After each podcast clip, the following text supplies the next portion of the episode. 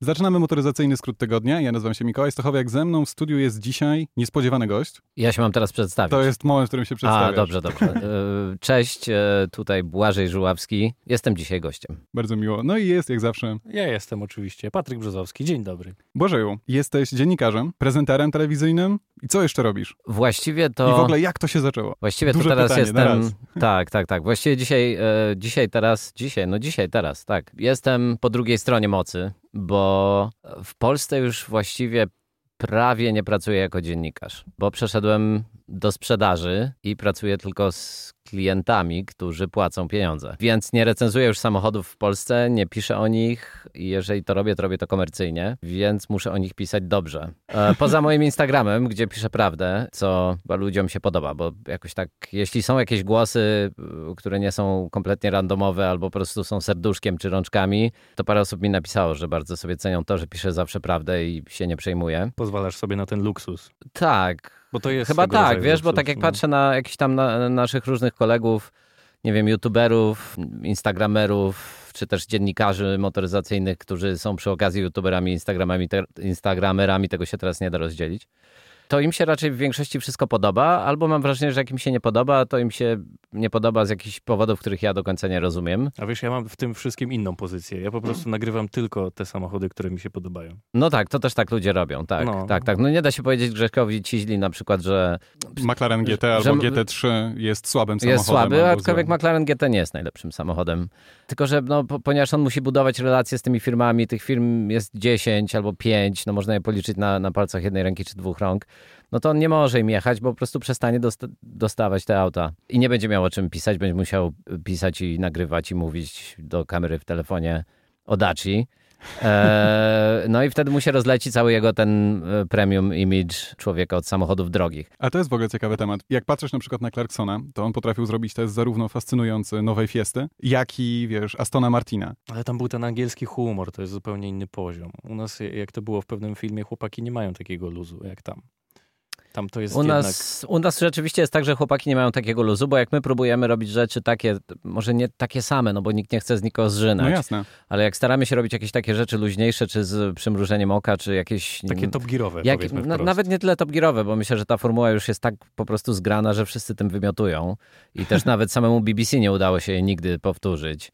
E, i, i, I gdzieś tam te wszystkie próby, wiesz, ja, wiecie, ja pracowałem w e, polskiej edycji magazynu Top Gear, w sensie, no nie Mhm. byłem tam na etacie, ale byłem takim stałym współpracownikiem. Praktycznie w każdym numerze jakieś tam się moje rzeczy ukazywały. Na początku tylko fotograficzne, potem też jakieś pisane i tak dalej, i tak dalej. To, co oni tam sobie zrobili, to w ogóle jest nieprzekładalne na żaden język i na żadną inną osobę. Ale w ogóle też zauważyłem, że jak po prostu staramy się jakoś rozszerzyć e, to spektrum pojmowania motoryzacji na jakieś inne rzeczy, bo jakby ona jest ona jest częścią takiego szerszego rozumienia świata, tak jest elementem kultu- kulturotwórczym. To znaczy, w Polsce jest tak, że wszystkim się wydaje, że samochodami to się interesują tylko em, głupki i dresiarze, a jak się interesujesz samochodami, to w ogóle jesteś prosty chłopak i, i generalnie nie masz nic do powiedzenia na temat Bo świata. to jest takie sztampowe, nie? Jak ktoś cię pyta, czym się interesujesz, to wszyscy odpowiadają piłka nożna i motoryzacja. I wszystkim się wydaje, że motoryzacja to jest właśnie taka piłka nożna, czyli trochę rzecz odpustowa już bardzo. Taka odpustowa, takie jakieś tam wyścigi na ćwiartkę na, bemo, na Bemowie i tak, Tak. dalej, i tak dalej. Natomiast ona ma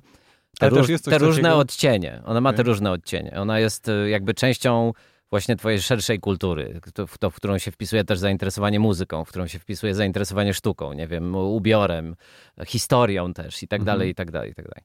I za każdym razem, kiedy zauważyłem, że próbujemy rozszerzać tą perspektywę polskiemu, nie wiem, czytelnikowi, użytkownikowi internetu, widzowi, zależnie od tego, z jakim medium mamy do czynienia, to jednak tylko bardzo wąska grupa reaguje na to pozytywnie. I niezależnie od tego, czy to jest akcja specjalna, zapłacona, czy też coś zupełnie oddolnego, to, to większość po prostu ludzi, y, chłopaki nie mają takiego luzu, jak powiedziałeś, kompletnie nie rozumie, na, po co na to patrzy i w Tak. ogóle, a gdzie jest ten facet w czerwonym polarze, co będzie za tę rączkę trzymał na tym tylnym siedzeniu i mi wreszcie podadzą jakieś konkrety i, i tak dalej, i tak dalej, co było bardzo śmiesznie widać, jak em, robiłem taki materiał e, z przejazdu, nie wiem ile ich tam było, już teraz nie pamiętam, ale ponad setka zabytkowych Rolls-Royce'ów z- do 1930 roku 39, przepraszam, roku e, Mhm. przejeżdżała przez Polskę. 20 Ghost Club, taki klub. To było E, dwa lata temu, czy to było dwa lata temu, tak, tak, tak. Przejeżdżała przez Polskę. no żeby tam 1918 jakby oddać hołd i Jasne. też przez kawałek Niemiec tam roz, rozpad cesarstwa. I zrobiliśmy z tego z Filipem Blankiem, który jest fotografem, ale tutaj wystąpił też jako taki wideografer, e, taki dosyć duży materiał, także wideo. I, I pamiętam takie, no i ja tam jechałem Rolls Royce'em Ghostem Extended Wheelbase, który chyba akurat idealnie to się złożyło z liftingiem tego samochodu, akurat były prasówki w Polsce. I jakoś tak się udało zgrać te wszystkie gwiazdy, że, że ktoś tam odwołał i, i w ogóle ci członkowie klubu powiedzieli, że ja mogę pojechać jako, tak jakbym był członkiem klubu z nimi, że Okej, wszystko no będzie super. zapłacone, No. że, że hotele i w ogóle no wspaniale, wspaniale się to wszystko udało. Masz kilka dni z Rolls Royce'em. Kilka dni z Rolls Royce'ami, Rolls-Royce'ów. w kolumnie Rolls Royce'ów e, bezcennych e, spędziłem, nie wiem, powiedzmy z pięć dni. Oni potem pojechali dalej, ja musiałem wracać, musiałem oddać auto. I co, no w ogóle genialne, genialne przeżycie, dlatego że podróżujesz też z ludźmi, którzy są nieprzeciętni. Możecie sobie wyobrazić, że to nie są zwykli zjadacze chleba, tacy goście, którzy mają takie samochody, bo to nie tylko trzeba mieć w kieszeni, ale też trzeba mieć, chcieć mieć, mieć wiedzę, czyli Mhm. wiedzieć, że chcesz mieć samochód, który właściwie z samochodem ma niewiele wspólnego. To znaczy jest właściwie dorożką z silnikiem, nie pozbawioną hamulców, pozbawioną układu kierowniczego i tak dalej. I chcesz tym nagle jechać przez całą Australię albo przez Polskę i przez Niemcy i, i się po prostu strasznie męczyć. No musisz być pasjonatem, więc też masz coś dodatkowo w głowie, no ale nieważne. Zrobiłeś ten I materiał. zrobiliśmy ten materiał, który to No. bardzo dobrze oddawał i pamiętam, że były właśnie takie komentarze z całym szacunkiem dla mojego e, kolegi wtedy z redakcji, internautów, pod tytułem przestańcie wysyłać w te miejsca e, takich kolesi, Nawet nie, że mnie tam jakoś nazwano, tylko weźcie, wyślijcie wreszcie jakiegoś prawdziwego mężczyznę Marcina Łobodzińskiego. I mój kolega Marcin Łobodziński z redakcji Autokultu jest bardzo dobrym, profesjonalnym dziennikarzem, ale on się zajmuje samochodami używanymi, testami instalacji LPG. On to lubi w ogóle. On nienawidzi tego takiego. y, można by powiedzieć, że jest taka tendencja, że wszyscy chcą testować te samochody premium, żeby były szybkie, drogie jest Tak. prawda. i tak dalej, i tak dalej. A to nie jest prawda. Marcin uwielbia Skodę Fabię w wersji podstawowej, uwielbia Dacie, zresztą ja też uwielbiam Skodę i uwielbiam Dacie. I w ogóle go to nie interesuje. On w ogóle nie chce mieć nic wspólnego z tymi drogimi samochodami. On uważa, że to jest w ogóle większe niż samo życie, nierealistyczne i kogo w ogóle na to stać, Mhm. panie, i tak dalej. A my mamy trochę Stop Geara, taki, taki wzorzec, że, że tym to powinniśmy jeść. I w ogóle jesteśmy strasznie aspiracyjni według mnie jako społeczeństwo, więc generalnie każdy, kto się zajmuje motoryzacją i zaczyna się zajmować nie wiem, jakimś swego rodzaju dziennikarstwem, to już by chciał jeździć tymi Bentleyami, co wy chłopaki, e, od razu No i od razu Porsche, i od razu Porsche, i od razu to, bo to jest to fajne i, i można się też poczuć lepiej, nie? Jak jedziesz ulicą i patrzysz na innych, oni nie wiedzą, że to nie twoje, i, i, myślisz, I myślisz sobie, no i co, kurde, ja tu jadę teraz. I właśnie to był taki dla mnie sygnał, ten komentarz, że, że ludzie w ogóle nie kumają. I to się powtórzyło przy jakichś tam innych e, Ale co było w materiałach. tym innych... materiale? Przepraszam cię bardzo. W tym materiale byłem ja w garniturze, głównie jadący Rolls Royce'em, opowiadający historię marki Rolls Royce, bo Ale nie, to powinno wszystkim pasować, że jesteś odpowiednio ubrany w tym samochodzie, bo to, Tak, to Patryk w ogóle nie. zwracają uwagę. zniszczony W ogóle za nie. to, że ubiera się Wiesz, ja ostatnio założyłem kurtkę do Bentleya i zostałem za to zrugany, że powinienem się ubrać właśnie w błękitny, przepraszam, nie błękitny, tylko beżowy garnitur, tak jak się nosiło w latach 30. chociażby. Może najlepiej nawet biały, no bo to jest ubiór, który pasuje do imidżu tego samochodu, a jeżeli ubierasz się inaczej, no to znaczy, że nie wiesz o czym mówisz. Ha, no, to z tego się wyja- wyłania tak naprawdę tylko taki wzór, że po prostu ludziom się nic nie podoba. A to, i, co- to I w internecie się ludziom nic nie wy... ale to jest truizm. Natomiast e, z, z, Ale rzecz-. Rzeczywiście jest tak, że no nieźle. Rzeczywiście jest tak, że, że, że ci komentujący wtedy woleli zobaczyć e, mojego kolegę, który pewnie chodzi w polarach e, i w ogóle modę, modą się nie interesuje, niż, niż mnie. I też często widzę, że tam e, pracujący w autokulcie Mateusz Lubczański, który ma długie włosy, ma też różnego typu komentarze dotyczące wyglądu. Czyli nie ma ludzi, który, którzy odpowiadają wszystkim swoim wyglądem. E, tak, tak, zawsze tak. jest z kimś coś nie tak. Zawsze jest z w jaki kimś coś sposób nie tak. połączyliśmy to z dziennikarstwem motoryzacyjnym? Nie mam E, pojęcia. Natomiast to e, jest- gdzieś tam puenta jest taka, że po prostu e, zauważyłem, że to się po prostu. To nawet nie o to chodzi, jak ja wyglądałem, czy w co ja byłem ubrany, czy ja tam miałem. Ja nawet chyba tam nie miałem garnitura. Raz miałem dwurzędówkę i białe spodnie, coś tam, jakieś tam różne To miałem stylizacje. dopasowane. To było po prostu A właśnie nie zbyt zbyt lifestyle'owo. ludzi Tak, merytorycznie. tak, tak, tak, tak. Oni chcieliby zobaczyć e, 0100 tego Rolls Royce'a. Tak, na lotnisku, w. Łężu, Tak. albo żebym go postawił na kostce Bauma. Ja kiedyś z Ciźlą też o tym rozmawiałem, że on ma najwięcej lajków, nie wiem, może to się teraz zmieniło, nie jak tam wrzuci czyjeś zdjęcie, jakiś tam Stefan Bauer czy ktoś taki on udostępni, nie wiem, jak się nazywa ten Aventador SVJ Spider na jakieś furka pas z zachodzącym słońcem i tak dalej, tak. Wtedy ludzie są tacy typu, mm, dobra, albo F40, o, F40, Powerside Lover ostatnio Grzesiek no. wrzucał. Trochę lajków. Lamborghini Aventador w Polsce na kostce Bauma na tle płotu z betonowej wytłoczki, a w tle hałda węgla, milion lajków. Bo to już robią sobie asocjacje w głowie, to jest coś, co znają. Oni nie chcą, żeby im opowiadać o jakimś szerszym świecie. Oni nie chcą, żeby im opowiadać historię Rolls-Royce'a, żeby pokazywać jakichś starych dziadów z zagranicy, co przyjechali jakimiś starymi Rolls-Royce'ami. Mają to gdzieś, oni by woleli zobaczyć właśnie tego Rolls-Royce'a, jak kręci bączki. Czyli z tego, co mówisz, nasze szukanie ładnych lokalizacji do fotografii, do filmów i tak dalej jest bez sensu. Powinniśmy po prostu podjechać pod najbliższą hałdę, na górę śmieci tam e, obok Izabelina. No wtedy jest I... swojsko, no wtedy wiesz. To nie jest o tyle bez sensu, że z tym widokiem. To nie jest o tyle bez sensu, żebyś yy, sam byś się pewnie z tym źle czuł, nie? Jakbyś to tak odwalił. O, tak. No, więc mi się wydaje, że my zawsze byliśmy w mniejszości. Czyli ludzie, którym się chce versus ludzie, którym się nie chce. Ludzie, którzy wolą, żeby było ładnie niż żeby było brzydko. Co, no i tam orzesz to swoje poletko, a czy ktoś to docenia? No mniej ludzi to docenia na pewno niż nie docenia. Nie, no ja to doskonale widzę po kanale na YouTubie chociażby, bo uważam, że w sumie wciąż w Polsce jest to jedyny kanał taki, który jest prowadzony na szeroką skalę, który podpada pod kategorię automotive lifestyle, o której teraz właściwie mówimy przez większość czasu i ludzie nie kumają, co ja tam robię. To znaczy, wiesz, jeżeli nie podniosłem maski, nie podszedłem do tego samochodu, nie złożyłem ładnie rąk i nie powiedziałem, to jest zderzak, to jest, y, nie wiem, przednia szyba, która jest taka, tu kierownica jest wykonana z tego, nie obszedłem go dookoła, to znaczy, że nie zrobiłem testu. Cokolwiek bym nie powiedział już później, to jest nieważne, ale jeżeli ten początek nie jest taki jak u innych, to, to... No to jest coś dziwnego z tobą i trzeba przełączyć na inny kanał. Tak, znaczy, bo inni to robią po prostu lepiej. Słuchajcie, ja bardzo e, szanuję swoich kolegów i naprawdę wiem, co u nich działa i dlaczego to działa. W sensie, no u jednego, z których zaraz wymienię, dokładnie wiem, u drugiego trochę nie wiem, ale, ale to najlepiej pokazuje to, e, jakie testy robi Zachar którego bardzo cenię swoją drogą, jako takiego wojo Jasne, wojownika każdy. o prawa konsumenta i człowieka tak. bardzo kulturalnego i e, naprawdę go bardzo lubię. No takie, że po prostu stoi obok samochodu i o nim opowiada. Dokładnie. I swoją drogą, jak on ma banie, żeby te wszystkie szczegóły spamiętać, czy on czyta z kartki pomiędzy tymi długaśnymi ujęciami, a nawet jeśli to jaką ma banie, żeby pomiędzy tymi ujęciami to wszystko spamiętać, to jest totalny szok, bo ja to nie pamiętam niczego z dzisiejszego poranka, mówiąc całkiem szczerze, a co dopiero takich długich ilości informacji, jakby produktowych, które on tam przedstawia. I to jest zawsze ta sama lokalizacja właściwie. No teraz pewnie to się zmieni, bo on tam, nie wiem, gdzieś między Portugalią a Polską y, urzęduje. No jest ich kilka, tak. Tak, e, tak no, ale zazwyczaj Kraków, witam tak. was z parku Skawina, Skawina bla, bla, bla i tak dalej, i tak dalej. I, i kamerę często do tej pory operowała jego żona. I, i, I no produkcyjnie było to bardzo proste a jednak jest najbardziej chyba popularnym drugim czy trzecim, nie wiem jak teraz jest ranking, youtuberem Jasne. w polskim internecie. Tak. Pertyn, no. Pertyn Ględzi, kanał którego mojego kolegi Maćka, który jest bardzo specyficzną postacią, e, bardzo ciekawą, Maciek mówi siedmioma językami, ma ogromną wiedzę na temat motoryzacji i różnych tam rzeczy jego kanał jest dla mnie osobiście, jakby on o tym wie, więc to nie jest żadna tajemnica, nie do przyjęcia. W sensie tego się nie da oglądać. Nie da się tego oglądać. A jednak on ma, nie wiem, 80 tysięcy subskrypcji czy coś takiego. No jakieś po prostu szalone liczby.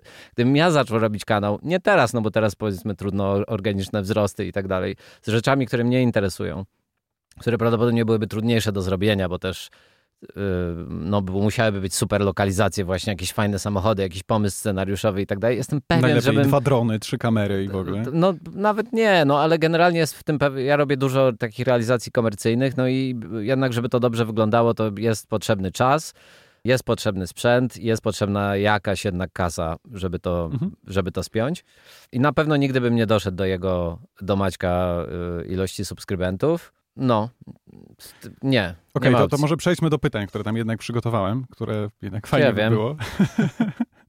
tak naturalnie nie, bo tak, idzie. Wiem, że na pewno będziemy rozmawiali, bo już o to zahaczyliśmy, że w ogóle chciałem z wami pogadać o tym, bo tam słuchałem trochę waszego podcastu przy przychodząc tutaj mhm. i zobaczyłem, że był tam Porsche Experience Silesia Center, tutaj ten Bentleya odebrał, tamten Bentleya, teraz też jakiegoś Bentleya i tak dalej, i tak dalej. Właśnie chciałem pogadać z wami, że totalnie dla mnie fajniejsze mm, jest zrobienie zajebistego testu samochodu, który jest tani, niż e, bardzo drogiego samochodu, który właściwie sam się broni i nawet jak go Zachar postawi na brudnym parkingu brudnego, to w sumie to nadal jest Bentley i tak się wszyscy zajarają totalnie. No dobra, ale zadawaj pytania. Wiesz, my to robimy od dwóch lat. Jakby i przez dwa lata testowaliśmy dużo skut, mhm. dużo różnego rodzaju tanich samochodów, tanich w cudzysłowie, e, nowych. Także teraz od czasu do czasu pojawia się coś luksusowego. Akurat trafiłeś na taki moment, w którym ten okres się przedłużył. Ale to, to raczej nie jest tak, że... To nie jest wasza codzienność. Nie. No dobra. To znaczy też trzeba by rozgraniczyć YouTube'a, audycję, podcast i tak dalej, bo ja to też swoją drogą. Ja to robię od siedmiu lat, więc rzeczywiście do tego poziomu, który mam teraz, to no, dochodziłem przez te siedem lat. Ja widziałem jakieś twoje rzeczy, ale tylko widziałem jakieś e, takie... Mm, tylko nie mów, że stare rzeczy widziałeś. Widziałem stare takie... O, no to nie, to niedobrze. Mm, takie wywiady, nie, te wywiady takie, wywi wywiady w, sam w samochodzie tak, i coś, ogóle... coś z McDonaldem też no, było. Pewnie. No, który dawno. nie sponsoruje tego podcastu, żebyśmy nie, nie, nie, nie, nie, nie, I nigdy nie sponsorował tych Jedna filmów. z sieci fast foodowych, tak? Możemy... Jedna z sieci fast foodowych, niezdrowych potencjalnie. To antyreklama. Ale nie, jestem naprawdę ciekaw, czy jesteś jedną z tych osób, u których właśnie ta pasja do motoryzacji przekształciła się w karierę, czy może było właśnie na odwrót? Jak to wyglądało? Jak to było?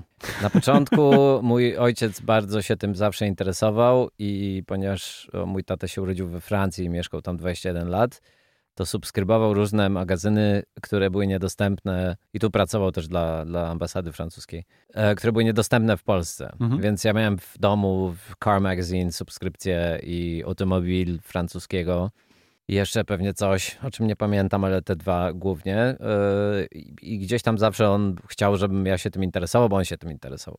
Ja miałem to kompletnie gdzieś do gdzieś tak 16 roku życia, kiedy się okazało, że mój kolega y, zrobił prawo jazdy, ojciec mu kupił Mini Coopera 1.3 z 95 roku i nagle skumałem, że to może być częścią takiego w ogóle właśnie lifestyle'u, takiego mojego świata wyobraźni. Ja, ja, bardzo lubiłem Jamesa Bonda, zawsze przygody, zawsze lubiłem taki serial The Persuaders, lubiłem Miami Vice, ale właśnie nie ze, ze względu na, oni tam jeździli zawsze super furami, bo mm -hmm. The Persuaders to tam Ferrari Dino, Aston DBS, Miami Vice to wszyscy wiemy, że Daytona, a potem Testarossa, e, Bond, no wiadomo, Aston, ale po prostu... Um, no i BMW. No i potem BMW, ale to było wcześniej, chyba, chociaż nie, już wtedy GoldenEye było na pewno. I po prostu skumałem, że te auta mogą być właśnie taką częścią takiego pięknego życia, takiego wyestetyzowanego życia, w którym po prostu wszystko jest ładne. E, jak zobaczyłem tego Coopera i uwielbiałem tym Mini Cooperem jeździć, a on był totalnym, totalnym fanem e, motoryzacji i zaczął mnie tak ten mój kolega formatować pod te wszystkie samochody, które nas mijały, bo on dokładnie wiedział, co nas mija i jaki ma silnik mhm. i coś tam i zawsze zauważył i mi pokazywał przez okno. I jakoś mi to wróciło, to czym ojciec mnie próbował zarazić, do tego punktu, że stało się jakąś taką obsesją. W międzyczasie mm, w Polsce gdzieś powoli chyba zaczynał się pojawiać Top Gear telewizyjny, tak mi się wydaje, może trochę później, ale ja zacząłem też e, czytać i subskrybować sobie Kara. Bardzo mi się podobało, jak ci dziennikarze motoryzacyjni piszą i nagle skumałem, że ja w ogóle nie uczestniczyłem w tym w Polsce, bo mnie to po prostu nie interesowało, co ci ludzie piszą w tych gazetach. A w te drive stories tak zwane, tych e, i, i poziom fotografii w ogóle też, w, tak. bo się w międzyczasie zacząłem e, bardzo interesować fotografią. Jakoś tak mnie skłonił, że ja, ja to przepadałem w tych magazynach po prostu na całe godziny i czytałem je od deski do deski i to było też właśnie z tym brytyjskim humorem. Kar miał zawsze taką też z tyłu taki indeks wszystkich samochodów, jakie są dostępne na rynku i to się nazywało The Good, The Bad, The Ugly i dawali takie krótkie oceny różne, śmieszne dotyczące tych samochodów okay. w jakichś tam różnych kategoriach.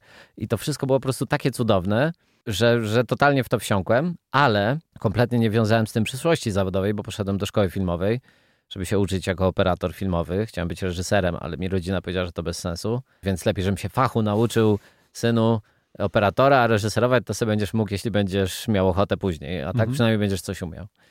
E, I stamtąd wychodząc, y, chciałem, jakby rozumiałem już, że na pewno nie będę tego robił i zostałem fotografem, ale fotografowałem modę. To się akurat tam z jakimiś osobistymi rzeczami e, też e, splotło i zacząłem fotografować modę i gwiazdy. I dopiero traf chciał, że mój kolega, ten sam, który, tego mini, który tym Mini Cooperem jeździł, z którym, który mnie jakby z powrotem zaraził miłością do samochodów, mhm. Zaczął się z, razem z moimi innymi kolegami ścigać, w sensie zrobił licencję i pracować dla takiego faceta, który nazywał się, nazywa się Robert Kisiel Jest e, kierowcą wyścigowym był, a właścicielem jakichś tam helikopterów i, i samolotów i tak dalej, i tak dalej. I on był takim trochę menadżerem wyścigowym Kisiela, a kasę Kisielowi na ściganie wtedy załatwił słynny redaktor Piotr R. Frankowski. I ja Piotra Frankowskiego poznałem na wyścigach w Kielcach, będąc fotografem modowym, y, przyjechawszy po prostu kibicować moim kolegom, którzy się ścigali samochodami Cinquecento i Seicento. Bo chciałeś im zrobić ładne foty. Po tych, prostu wpadałem, bo, bo, bo, to było fajne, że koledzy coś wygrywają i mhm. dobrze im szło i tak dalej. Akurat mają dwóch zdolnych bardzo kierowców, kierowców kolegów którzy rzeczywiście wygrywali tam dużo na tych wszystkich torach. I, a wcześniej jakoś mi tak wpadł przypadkiem zupełnie podczas jakiejś prasówki felieton Frankowskiego w magazynie Press o tym, dlaczego polskie dziennikarstwo motoryzacyjne jest do dupy, a angielskie jest dobre. I czytałem to wtedy, pamiętam, i poznałem, że widziałem tego pana z tą dziwną fryzurą, to byłem taki, tak, tak, kurna, tak, ten gość dokładnie myśli to, co ja na temat tego wszystkiego. I jak go poznałem, to byłem taki typu, wow, ja jestem totalnie wychowany na tych samych gazetach, o których pan pisał w tym felietonie. Ja myślę dokładnie to samo, co pan. Nikt nigdy nie pisze o tym, jak samochód jeździ. Nikt się nie, nie zastanawia, nikt nie pisze w ogóle literacko o samochodach. Nikt nie się nie zastanawia, jak samochód sprawia, że się czujesz. Nikt nie patrzy na to pod kątem, bo, bo to było wtedy nie, nawet nie do pomyślenia, że ktoś by napisał, słuchajcie, w polskim magazynie motoryzacyjnym, że na przykład um, samochód sprawia, że wyglądasz na dupka na przykład, albo mhm. że nie wiem, wyglądasz jakbyś się, nie wiem, miał kryzys wieku średniego i próbował, nie wiem, wyrywać młode dziewczyny na auto. Albo, no ale tak albo wszyscy coś. to myśleli. Także. Wszyscy to myśleli, nikt tego nie pisał. To, to takie są przykłady jakby pie, pierwsze z brzegu i dosyć niedobre, ale mam nadzieję, że wiecie o co chodzi. No skojarzenie po prostu związane z autem. Tak i, i, i Frankowski yy, potem tam zaczęliśmy gadać, ja powiedziałem, co robię, bla, bla, bla. On powiedział, że o, to super, to może bym tam mu pomógł nakręcić jakiś tam typowy dla niego wyścig samolotu z samochodem, który też załatwił kasę Szela, jak na ściganie się Kisiela załatwił kasę Szela. I pojechałem do Pruszczada Gdańskiego, y, nakręciłem ten wyścig, on się tam ścigał z jakimś tam, z grupą żelazny, tym takim, to się nazywa Zlin chyba, ten samolot Nissanem 350Z, który wtedy akurat wyszedł. I potem przez rok po tym zrobieniu tego się z nim nie widziałem i zadzwoniłem do niego, bo jechałem taki rajd studencki Student Breakaway, który się nazywał kiedyś Student Gamble, ale Gamble pozwał tych studentów z Anglii i musieli zmienić nazwę. Z moim kolegą i się zastanawiałem, czy ktoś by nam się jakimś sponsoringiem nie dorzucił parę groszy do paliwa, no bo to mieliśmy jechać starym Sabem 900 krokodylem turbo SM przez Europę no i na takim studenckim budżecie mój kolega miał trochę większy, ja trochę mniejszy. Mogłoby być ciężko to dowieść przez te dwa, dwa tygodnie. Jeszcze trzeba coś jeść, nie? Przez Dokładnie. Więc dzwonię do Frankowskiego i mówię, słuchaj, bo tam taki dobry jesteś w załatwianiu tych pieniędzy. Y, oczywiście to tak nie brzmiało wtedy, bo ja byłem, nie wiem ile miałem lat, 21, więc byłem dużo bardziej proszę pana i tak dalej. To może byś nam jakoś pomógł, bo my tutaj chcemy jechać taki rajd i to oni zbierają kasę na Teenage Cancer Trust, więc jest też charytatywnie, mhm. etc., etc. Mówi, dobra, dam ci tam numer do, do kogoś tam, to zadzwoń, ale w ogóle to e, chciałem ci powiedzieć, że zostałem właśnie naczelnym polskiej edycji magazynu Top Gear. No i wtedy pff, mi w ogóle wybuchły gwiazdy przed oczami i tak Bo ten dalej. człowiek, który tak cię rozumie, będzie prowadził gazetę. I, tak? Dokładnie. I pomyślałem i powiedziałem mu od razu, Jezus Maria, co mam zrobić, żeby przyjść i dla ciebie pracować? Bo ja pracowałem wtedy dla Aktywista, Ekskluzywa, pracowałem dla L, Pani, Vivy, Gali, Glamura, dla niektórych regularnie, dla, których, dla mhm. niektórych mniej regularnie, robiłem jakieś tam różne sesje, etc., etc. I powoli przez te następne lata zrobiłem coś dla Frankowskiego jesienią tego roku, bo potrzebował takiego fotografa, co właśnie ogarnie polskie dziewczyny, które się ścigają samochodami. Tam była tam Klaudia Podkalicka, Magda Wilki, tam ktoś jeszcze. I zacząłem robić coraz więcej tych samochodów, coraz więcej, coraz więcej. I zaczęły wypierać mi te gwiazdy i tą modę, i bo się też, ja trochę jestem leniwy z natury, okazało się, że to mi bardzo dobrze idzie i że jakoś tak lepiej fotografuję te samochody niż inni. I że też jest łatwiej w sumie pracować, bo on to no, nie są ludźmi, więc nie narzekają, nie mówią, że coś brzydko wyglądają, podczas gdy według ciebie wyglądają całkiem ok, bo mają na przykład nie wiem, kompleks lewego nozdrza i ono akurat jest bardziej widoczne. I, I, jakaś taka była większa jakaś transparencja pomiędzy w tej redakcji, pomiędzy wymaganiami a efektem, mhm. mam wrażenie, i taki mniejszy jakiś taki stres, więc a ponieważ pracy było bardzo dużo, no to ja po prostu w to wsiąkłem. A ponieważ w międzyczasie zacząłem pisać, zacząłem pisać najpierw o, moje pierwsze pisanie to były kulinaria, w sensie robiliśmy recenzję restauracji okay. w Warszawie do aktywista, to się nazywało Brzuchomówcy. Potem zacząłem pisać rzeczy podróżnicze, bo e, zobaczyłem taki tekst, że jedna z koleżanek wyjechała do Maroko i zwiedzała te miasteczka, w których kręcono Gwiezdne Wojny między innymi. I, I, poszedłem do naczelnej i mówię, a jak to się robi, żeby podróżować za darmo? Ona mówi, a to bardzo proste, muszą cię różni ludzie zapraszać na wyjazdy. Ja mówię, okej, okay, a jak to zrobić, żeby mnie zapraszali? Mówię, to ja ci dam tutaj numer do Pauliny Stolarek-Marat, która jest naczelną włajarza, to w sumie ty fajnie piszesz, to ja powiem, że ty do niej zadzwonisz i tak, i, i może będziesz coś dla niej pisał. No i no i to się też udało, bo się nagle okazało, że można wysłać kolesia, który dobrze pisze i fotografuje zamiast dwóch osób na każdy wyjazd. I jeszcze jeździ na nartach i robi różne rzeczy i generalnie sobie poradzi, więc... E, lifestyle'owo idealnie. Lifestyle'owo idealnie. Ta Paulina mnie jeszcze wyszkoliła z takiego pisania, nie takiego... Jak się, się młodym człowiekiem się pisze do gazet młodych, lifestyle'owych, to z taką manierą się strasznie pisze. Taką jest dużo ego w tym i takie ja i tak dalej, i tak dalej, więc ona mnie totalnie wyszkoliła z takiego jakby świadomego pisania. I po tej takiej szkole włajarza też zacząłem pisać do podróży, bo tam mój kolega został naczelnym. To było śmieszne, że pracowałem dla dwóch gazet konkurencyjnych i nikt nie miał z tym problemu. Co prawda w, w, i w podróżach mi zaoferował Filip Nidental, który teraz jest naczelnym polskiego Woga, pisanie o samochodach. I jak zacząłem pisać o samochodach, to chłopaki w Top Gearze stwierdzili, że może bym też pisał w Top Gearze o tych samochodach, bo czasami po prostu nie mają jak się obrobić e, z ilością rzeczy, które mają do zrobienia. No i dalej to jakoś poszło. No i potem miałem oczywiście jakieś przerwy, w pewnym momencie nie pisałem nigdzie. Robiłem wtedy program telewizyjny dla TTV razem z moim przyjacielem Marcelem Sorą. Robiliśmy taki program, jak się TTV otworzyło, Biznes Reaktywacja. To była taka Magda Gessler dla small businessów. To się nauczyłem produkować programy telewizyjne. To było wtedy, kiedy Top Gear przychodził z burdy do Axel Springer i po prostu Frankowskiego zwolniono, zwolniono Michała Piekarskiego, dyrektora artystycznego i tam Axel zaczął robić swoje porządki w redakcji i między innymi w ramach tych porządków po prostu zrezygnowano z zewnętrznych współpracowników, no bo przecież tam jest cała redakcja Autoświata, Autoświat 4 na 4 no to można wszystko własnymi siłami obrobić, ludzie są na pensjach, po co mieć koszty zewnętrzne? I tak się skończyła twoja przygoda I z Top Gearem? I tak się skończyła moja przygoda z Top Gearem, tam są Tysik jeszcze mi, który został naczelnym i tam jeszcze zlecił jakieś trzy rzeczy dosłownie, e, tak na zasadzie chyba że tak głupio trochę towarzysko, że tak przestałem pracować, tak może tu bym zrobił, tu bym zrobił, ale też myślę, że naciski z góry były takie, żeby jednak robić wewnętrznie jakieś tam... Teraz jak pracuję w korpo, to, to dokładnie wiem, jak to działa. Po prostu często nie możesz podejmować niektórych decyzji, no bo po prostu nie możesz i koniec. Więc zlecił jakieś trzy rzeczy i to się zakończyło, a my się spotkaliśmy znowu z Frankowskim i Frankowski powiedział, że znalazł takich e, ich tam było raz, dwa, trzy, czterech facetów, którzy dadzą nam kasę, żebyśmy wydawali taką rzecz w Polsce, która się nazywa RAMP. No i zaczęliśmy wydawać RAMPA, kwartalnik kultury motoryzacji, który miał najpierw chyba tam 280, a najgrubszy numer ostatni miał chyba 340 stron. Chodził teoretycznie raz na kwartał, bo różnie nam tam szło ze zbieraniem kasy, żeby go wydawać, aczkolwiek i tak szło nam regularnie niż słynnemu KMH, który w pewnym momencie wychodził raz na rok. No nie, no mieliśmy prenumeratorów, po prostu chcieliśmy im dostarczyć gazetek, za które zapłacili. No i RAMP to był taki chyba najlepszy okres zawodowy, taki jeszcze, który bym nazwał niepoważnym, to znaczy takim, w którym praca to zabawa i po prostu latasz sobie po świecie i wyciągasz samochody z muzealnych kolekcji, robisz super porównania i w ogóle się nie przejmujesz niczym i dostajesz pensję na koniec miesiąca. No i oczywiście zbankrutowaliśmy na koniec, bo na początku tam mieliśmy takiego wspólnika, który się zachował mało, mało w porządku. Po prostu było za fajnie. A, a potem po prostu było za fajnie. Po prostu okazało się, że czterech kreatywnych nie może prowadzić firmy, że potrzebni są też ci ludzie po drugiej stronie, jacyś zamordyści od kasy, jacyś, że, że po prostu no my niby teoretycznie wiemy te rzeczy, ale po prostu też nie da się wszystkiego ogarnąć i zrobić i też mhm. ciężko sobie samemu jakieś tam ograniczenia narzucić i my trochę ten dom, tego rampa budowaliśmy od dachu, czyli od tego, jaka ta gazeta była super, jaki, jaki mieliśmy puchnący lakier na okładce, który sprawiał, że okładka była 3D, ale nie była to tłoczona.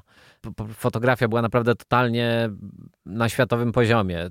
Gazeta była w ogóle tak lifestyle'owa, jak się tylko da. Czasami na niektórych rzeczach, typu na relacji z Le Mans, mojej yy, i Piotra, nie zobaczysz ani jednego samochodu na zdjęciu, bo całą zrobiliśmy tak, że po prostu tylko to są takie kolorowe linie na długich ekspozycjach albo takie paningi trochę rozmazane, bo one się bardzo świecą, te samochody mają te lampki z boku, hamulce się oczywiście świecą i tak dalej, tak więc oprócz tam chyba jednego zdjęcia z tym kołem takim diabelskim młynem, gdzie widać samochody, że jadą, one są po prostu zatrzymane na dole. To wszystko było takie płynące w takich światłach i to była tam relacja z tego nocnego kawałka Le Mans. Czyli w ogóle nie polska estetyka. W ogóle nie polska estetyka, nic nie było wprost, po prostu kombinowaliśmy jak zrobić, żeby było tak jak takie jakieś berlińskie lifestyle'owe ziny artystyczne, szalone. Mhm. Tak, tak się staraliśmy to robić.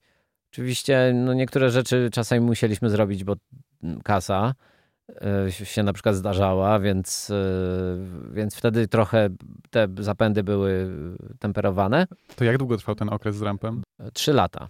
Trzy lata. Dwa, to musiały być fajne trzy lata 2012, twojego życia. 2012, 13, 14, 15, no. Tak. Trzy lata, wydaliśmy 12 numerów. E, robiliśmy na przykład cztery okładki jednego numeru, bo, bo, bo mogliśmy, bo po prostu nam się podobały różne zdjęcia na okładkach i było na początku były dwie okładki. Dostaliśmy zresztą Grand Fronta za, za okładkę do pierwszego numeru z e, samochodem Ferrari 458. Tylko to Ferrari było takie małe, malutkie, nawet nie mogę pokazać do mikrofonu, tutaj nie ma kamery, cholera. Było bardzo małe to Ferrari na tej okładce, a głównie chodziło o plecy dziewczyny w takiej sukience Gosi Baczyńskiej, która e, była jak po prostu z łusk e, rybich. No, ge- Mhm. Genialna sukienka. Wzięliśmy taką modelkę Magdę Roman, która była jakąś to, w top model.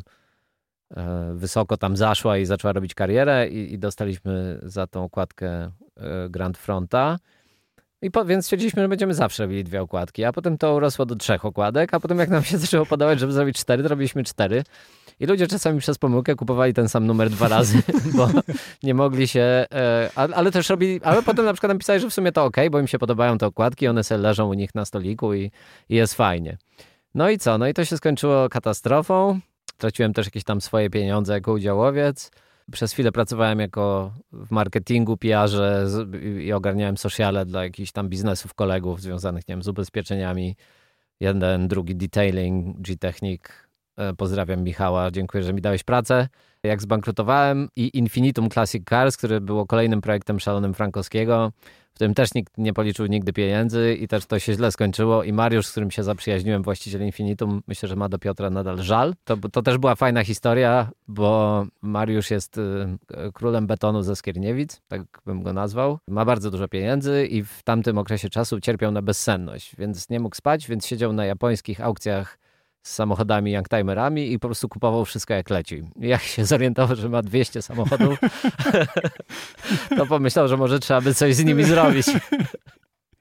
Więc e, i wtedy trafił do niego Piotr i powiedział, dobra, to zrobimy taki klub, że będziemy wypożyczali te samochody ludziom i będziemy robili eventy na Dolnym Śląsku i ludzie będą mogli przylecieć ze szczoteczką do zębów dosłownie i zmianą gazi i pojeździć różnymi samochodami po różnych zajebistych trasach na Dolnym Śląsku. No tylko, że niestety tam było kilka barier, przez które no, nie dało się po prostu przejść. Pierwsza jest taka, że Polska nie ma jakiejś takiej super renomy jako destynacja na świecie. I No. mimo tego, że zrobiliśmy dwa eventy dla dziennikarzy z całego świata, I e, pewnie które- wszyscy mówili, że są wszyscy super. mówili, że są super, to nie było w ogóle zainteresowania. Teraz chyba się to trochę zmienia, nie? Tro- Wszystkie te Dream Trip Events i tak dalej. To Moż, możliwe, że. teraz. Słuchaj, mi się wydaje, że tak, z rampem byliśmy za wcześnie. Bo, bo też robiliśmy jakieś rzeczy też na YouTube'a, też jakoś tam stawialiśmy na Facebooka. Piotr w ogóle rozkręcił Facebooka Top Geara, jako pierwszy jakby dostrzegł potencjał wtedy w Top Gearze i Top Gear miał jeden z największych Facebooków motoryzacyjnych, zanim się nie zamknął, w Polsce. Mhm. Więc to jest tak, że on jest wizjonerem, tylko on y, zawsze egzekucja leży. On się pewnie obrazi, jak to usłyszy, usłyszy bo, bo on uważa, że wszystko robi dobrze. Natomiast no, ka- każdy ma jakieś wady i u niego zawsze to wizja jest totalnie zajebista, a egzekucja totalnie się wywala na twarz, bo na przykład się okazuje, że nie możesz mieć wypożyczalni klasyków w Polsce, bo nie możesz ich ubezpieczyć. Więc jak się cokolwiek stanie, To, to, musisz sam jest, za to to płacić. musisz sam za to płacić i cały e, jakby biznesplan się nie kalkuluje. W związku z czym no to już nam odpadło. Te eventy no, były super, ale no, zainteresowanie było średnie, więc kombinowaliśmy cały czas, może zrobić je mniejsze, może krótsze, może lokalne. A z drugiej strony nawet baza w Skierniewicach była problemem, bo ludzie są tak leniwi, a największa koncentracja pieniędzy jest w Warszawie. Myślę, że podobny problem ma w ogóle też stacja klasyki, chociaż nie wiem, że jak musisz jechać 45 minut za łomianki, żeby odebrać swój samochód zabytkowy, to już ci się nie chce i nie jedziesz i po prostu nim nie jeździsz, a potem stwierdzasz, że go sprzedasz, bo po co ci on, bo nim nie jeździsz. No i w sumie wsadziłeś go w storage, ale... No, no, było- no wiesz, Oni tam teoretycznie mają usługę dostawy samochodu pod dom. a, okej, no, to, wi- no to oni może dobrze to rozkminili. Ja tam nie wiem do końca, jak, jak to u nich wygląda, ale my mieliśmy mieć taki klub, zrobiliśmy taką w ogóle super salę klubową. No, no naprawdę to było. Plus też e, restaurację samochodów, bo mieliśmy super mechaników, bo Mariusz przez, y, zanim to do tego doszło, to przetestował rzesze mechaników na tych samochodach, które przyjeżdżały z tej Japonii w różnym stanie. Więc naprawdę sobie super team skompletował. Tylko jakoś po prostu to już była taka skala i to było tak duże, że na koniec dnia on pomyślał, że w sumie to wszystko tak skoczyło w wartości w ciągu tych lat, jak on to kupował, że najbardziej mu się opłaca teraz odciąć wszystkie straty i to wszystko sprzedać, bo po prostu zarobi pieniądze. No i sprzedał wszystko i nie ma tego, tego całego infinitum, ale też, też jakby koncept... I skończyła się bezsenność. Konce, kon, skończyła się bezsenność, bo w międzyczasie poznał swoją żonę, A, okay. ma, ma, syna i, i w ogóle jest bardzo szczęśliwy i, i, właśnie już nie cierpi na bezsenność. Natomiast to infinitum wydaje mi się, że było za wcześnie. Tak jak trochę ramp, może trochę za wcześnie i może trzeba było go zrobić w innej formule.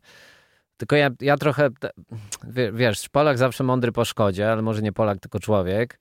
Ja może byłem trochę za młody do podejmowania też niektórych decyzji i tak naprawdę nie pracowałem nigdzie tak na stałe. I teraz dopiero jak popracowałem 3 lata w korpo, to już trochę wiem, jak pewne rzeczy powinny być zorganizowane i jak je organizować. I na przykład już nigdy nie popełniłbym niektórych błędów, które popełniliśmy przy rampie. E, takich jakichś mm, Czterech właśnie, okładek. Nie, to nawet nie o to chodzi, bo to nas nic nie kosztowało, ale takich właśnie, że cały czas budowaliśmy ten dom od dachu, a nie od fundamentów, od tego, że to jest super, że robimy super rzeczy, że to jest piękne, a nie zastanowiliśmy się nigdy na tym, ile musimy zarabiać, żeby to się opłacało. W sensie niby był jakiś biznesplan zrobiony na jakiejś serwetce przez kogoś, ale nikt się go nie trzymał. Mhm. A wspólnicy tylko do, dokładali do interesu, aż w końcu się wkurzyli i zamknęli to w cholerę. No. Nie dziwię się im. No. Okej, okay, to teraz y, dwa pytania od razu. Jaki był twój pierwszy samochód? Fiat tak, przejdziemy. FSM Cinquecento. Dziewię- się 900 na gaźniku, którego stuningowałem tak, że już miał wszystko zrobione, kubełki, był poszerzony, utwardzony, i tak dalej. Nie zrobiłem ostatnią rzecz, jaką sobie zostawiłem, to jest silnik i jak się miałem brać za silnik, był absolutnie w mojej głowie przynajmniej ten samochód był postrachem Warszawy. To były trochę inne czasy, nie było tylu samochodów na drogach. Natomiast jak już się miałem zabrać za silnik, to stwierdziłem, że to jest totalnie bez sensu, że wydaję cały czas pieniądze na ten samochód, a to nadal będzie tylko Cinquecento. I go sprzedałem, znaczy wyjąłem z niego graty przede wszystkim, wszystkie. Sprzedałem graty, sprzedałem go dziewczynie mojego ojca y, po przywróceniu go do cywila mhm. i kupiłem sobie Alfę 145 1.6 Twin Spark z ostatniego roku produkcji, która była wyposażona. Ona fajnie brzmiała, prawda? O Jezu, ona była taka super. Właśnie ostatnio ob, obraziła się na mnie Jagoda Borowińska chyba z Audi trochę, bo pożyczyła mi Audi A3 i, i troszeczkę ten samochód zjechałem, mimo że ona mi uratowała życie tym wypożyczeniem, bo do swojego samochodu bym się nie zmieścił w tej trasie. I właśnie jedna, jedna rzecz, która mnie tak wkurza, to że teraz wszystkie te ja rozumiem, że tam są normy emisji spalin, turbosprężarka, która tam szatkuje te, te spaliny i w związku z tym ciężej jest ten dźwięk zrobić, ale że te wszystkie czterocylindrowe silniki nie brzmią teraz dobrze. A jak brzmią, to brzmi wydech, a ten wydech może też nie brzmi jakoś ładnie, bo tak burczy i strzela i raczej jest to obliczone na ten taki efekt tego popierdywania na tych zmianach biegów. A kiedyś te wolno ssące, no wiem, sorry, ale te czterocylindrowe silniki włoskie, nie, nawet nie, nie e, jakieś tam japońskie, które się kręciły do 8,5 tysiąca obrotów, tylko takie po prostu właśnie alfa, albo mój tata miał kiedyś Punto 1,690 koni, one naprawdę super zadziornie, fajnie brzmiały. A to nie jest też tak, że to jest trochę nasza wina, patrząc ogólnie na ludzi, którzy mówią o samochodach, że my oczekujemy od tych takich zwykłych samochodów tego, żeby one były możliwie najbardziej ciche i później wmawia się, że to jest to, czego potrzebuje konsument, czyli idealnej ciszy, braku dźwięku silnika i tak dalej. To jest super, oczywiście, ale jednak no, nie uciekniesz od dźwięku silnika, bo w którymś momencie musisz kogoś wyprzedzić, nawet jeżeli jesteś zwykłym konsumentem dodać, nie wiem, gazu na autostradzie, bo ciężarówki przestały się wyprzedzać i szybko, i drodzy słuchacze, szybko zjechać z lewego pasa, nie po 45 minutach. I co się okazuje? No i okazuje się, że masz pod butem jakąś taką maszynę do szycia bez wyrazu, która po prostu tylko wyje. Wszystkie, większość samochodów w tej chwili wyje. I mamy XXI wiek, y, zaraz znajdziemy szczepionkę na COVID, nie wiem, latamy na Marsa, jakie jeszcze rzeczy robimy niesamowite? No myślimy o jakichś implantach, dzięki którym będziemy mogli sterować czymś, co mamy jest w domu. Mamy, mamy też Kardashianki, to nie jest zbyt duże osiągnięcie i nie jesteśmy w stanie zrobić, nie wiem, no niech on już nawet będzie fałszywy ten dźwięk z tych, z tych głośników. Bo jak jest dobrze zrobiony, to to nawet aż tak nie boli. Ale, albo nie wiem, Mazda chyba, w, nie wiem czy teraz w MX-5, ale w poprzedniej MX-5 był jakiś taki rezonator, który podbijał ten dźwięk w kabinie i pamiętam, że ty miałeś RCZ i, i RCZ-em zrobiłem tysiące kilometrów po całej Europie różnymi RCZ-ami mhm. i RCZ, nawet ten zwykły 200 koni, nie RK, zajebiście brzmiał w środku. Nie tak, na zewnątrz, tylko dobrze. w środku. No to 1.6 turbo doładowane. Da się, da się. Więc nie wierzę, że 1.5 y, grupy WAG nie może brzmieć. Co tam jeszcze tak ostatnio... No ale wiesz, tam są te filtry i tak dalej. To no wiem, wiem, no jest ten tam... W BMW już masz dwa, w tej nowej trójce. Dwa filtry. Dwa filtry, stałe. no tak, tak. No, że to wszystko... No ale też z drugiej strony, no napisali program w Volkswagenie, żeby obchodzić e, testy spalania, napisali. No to są w stanie napisać taki program albo stworzyć takie urządzenie, żeby pomimo tego, że masz filtry cząsteczek, jakiś dźwięk jednak przyjemny, przyjemny, tak. nie nieprzyjemny, się do uszu dostawał. A czym teraz jeździsz? Teraz jeżdżę Porsche 911 996 Carrera 2 z 2001 roku, czyli... To jest SK, czy nie? Nie, to nie jest. To nie było wtedy eski. Nie było jeszcze eski? Nie. Ta generacja, o której każdy mówi, że jest, że jest brzydka. Że I brzydka. brzydka. Tak. tak, tak. Ja mam, ja mam przedliftowy, czyli mam te same lampy, co, co w Boxsterze, tylko w Boxsterze i w pierwszej kararze właśnie to był problem, że nie zrobili rozróżnienia i kierunkowskaz był pomarańczowy. U mnie już nie jest pomarańczowy, tylko jest przeźroczysty, mhm. więc jest mała różnica. Natomiast mi się ta, ta przedliftowa wersja podoba bardziej, bo ma czystsze linie. Jak potem ta lampa się robi taka fikuśna i idzie do dołu, potem do góry, ten jej design, który wchodzi jakby w zderzak i dodali do tego zderzaka też jakieś dodatkowe przetłoczenia i nie tylko w karerze 4 i 4S, ale też jakieś takie progi są inne i tak dalej, i tak dalej. To on taki się robi już według mnie trochę, mm, trochę bałaganiarski. A, a ten jest najbliżej w ogóle według mnie designu oryginalnej 911, 901, czyli tej pierwszej, nie licząc powiedzmy tych rozlanych świateł, ale mi one nie przeszkadzają. Jakoś w pewnym momencie po prostu mi kliknęło, że mi się ten samochód podoba i, i pomyślałem, że go chcę. Ja zadam takie praktyczne pytanie. Masz 911, jednak z lat 90. Jak... 2000. 2000, tak? Już, już okej. Okay. 2001. 2001, to przepraszam. Spoko, spoko. Płyty, jak płyty, jak płyty często CD, lądujesz? Wkładam. Już nie masz kaset w nim? Nie, nie, nie. nie płyty nie, CD wkładam. No. Okay.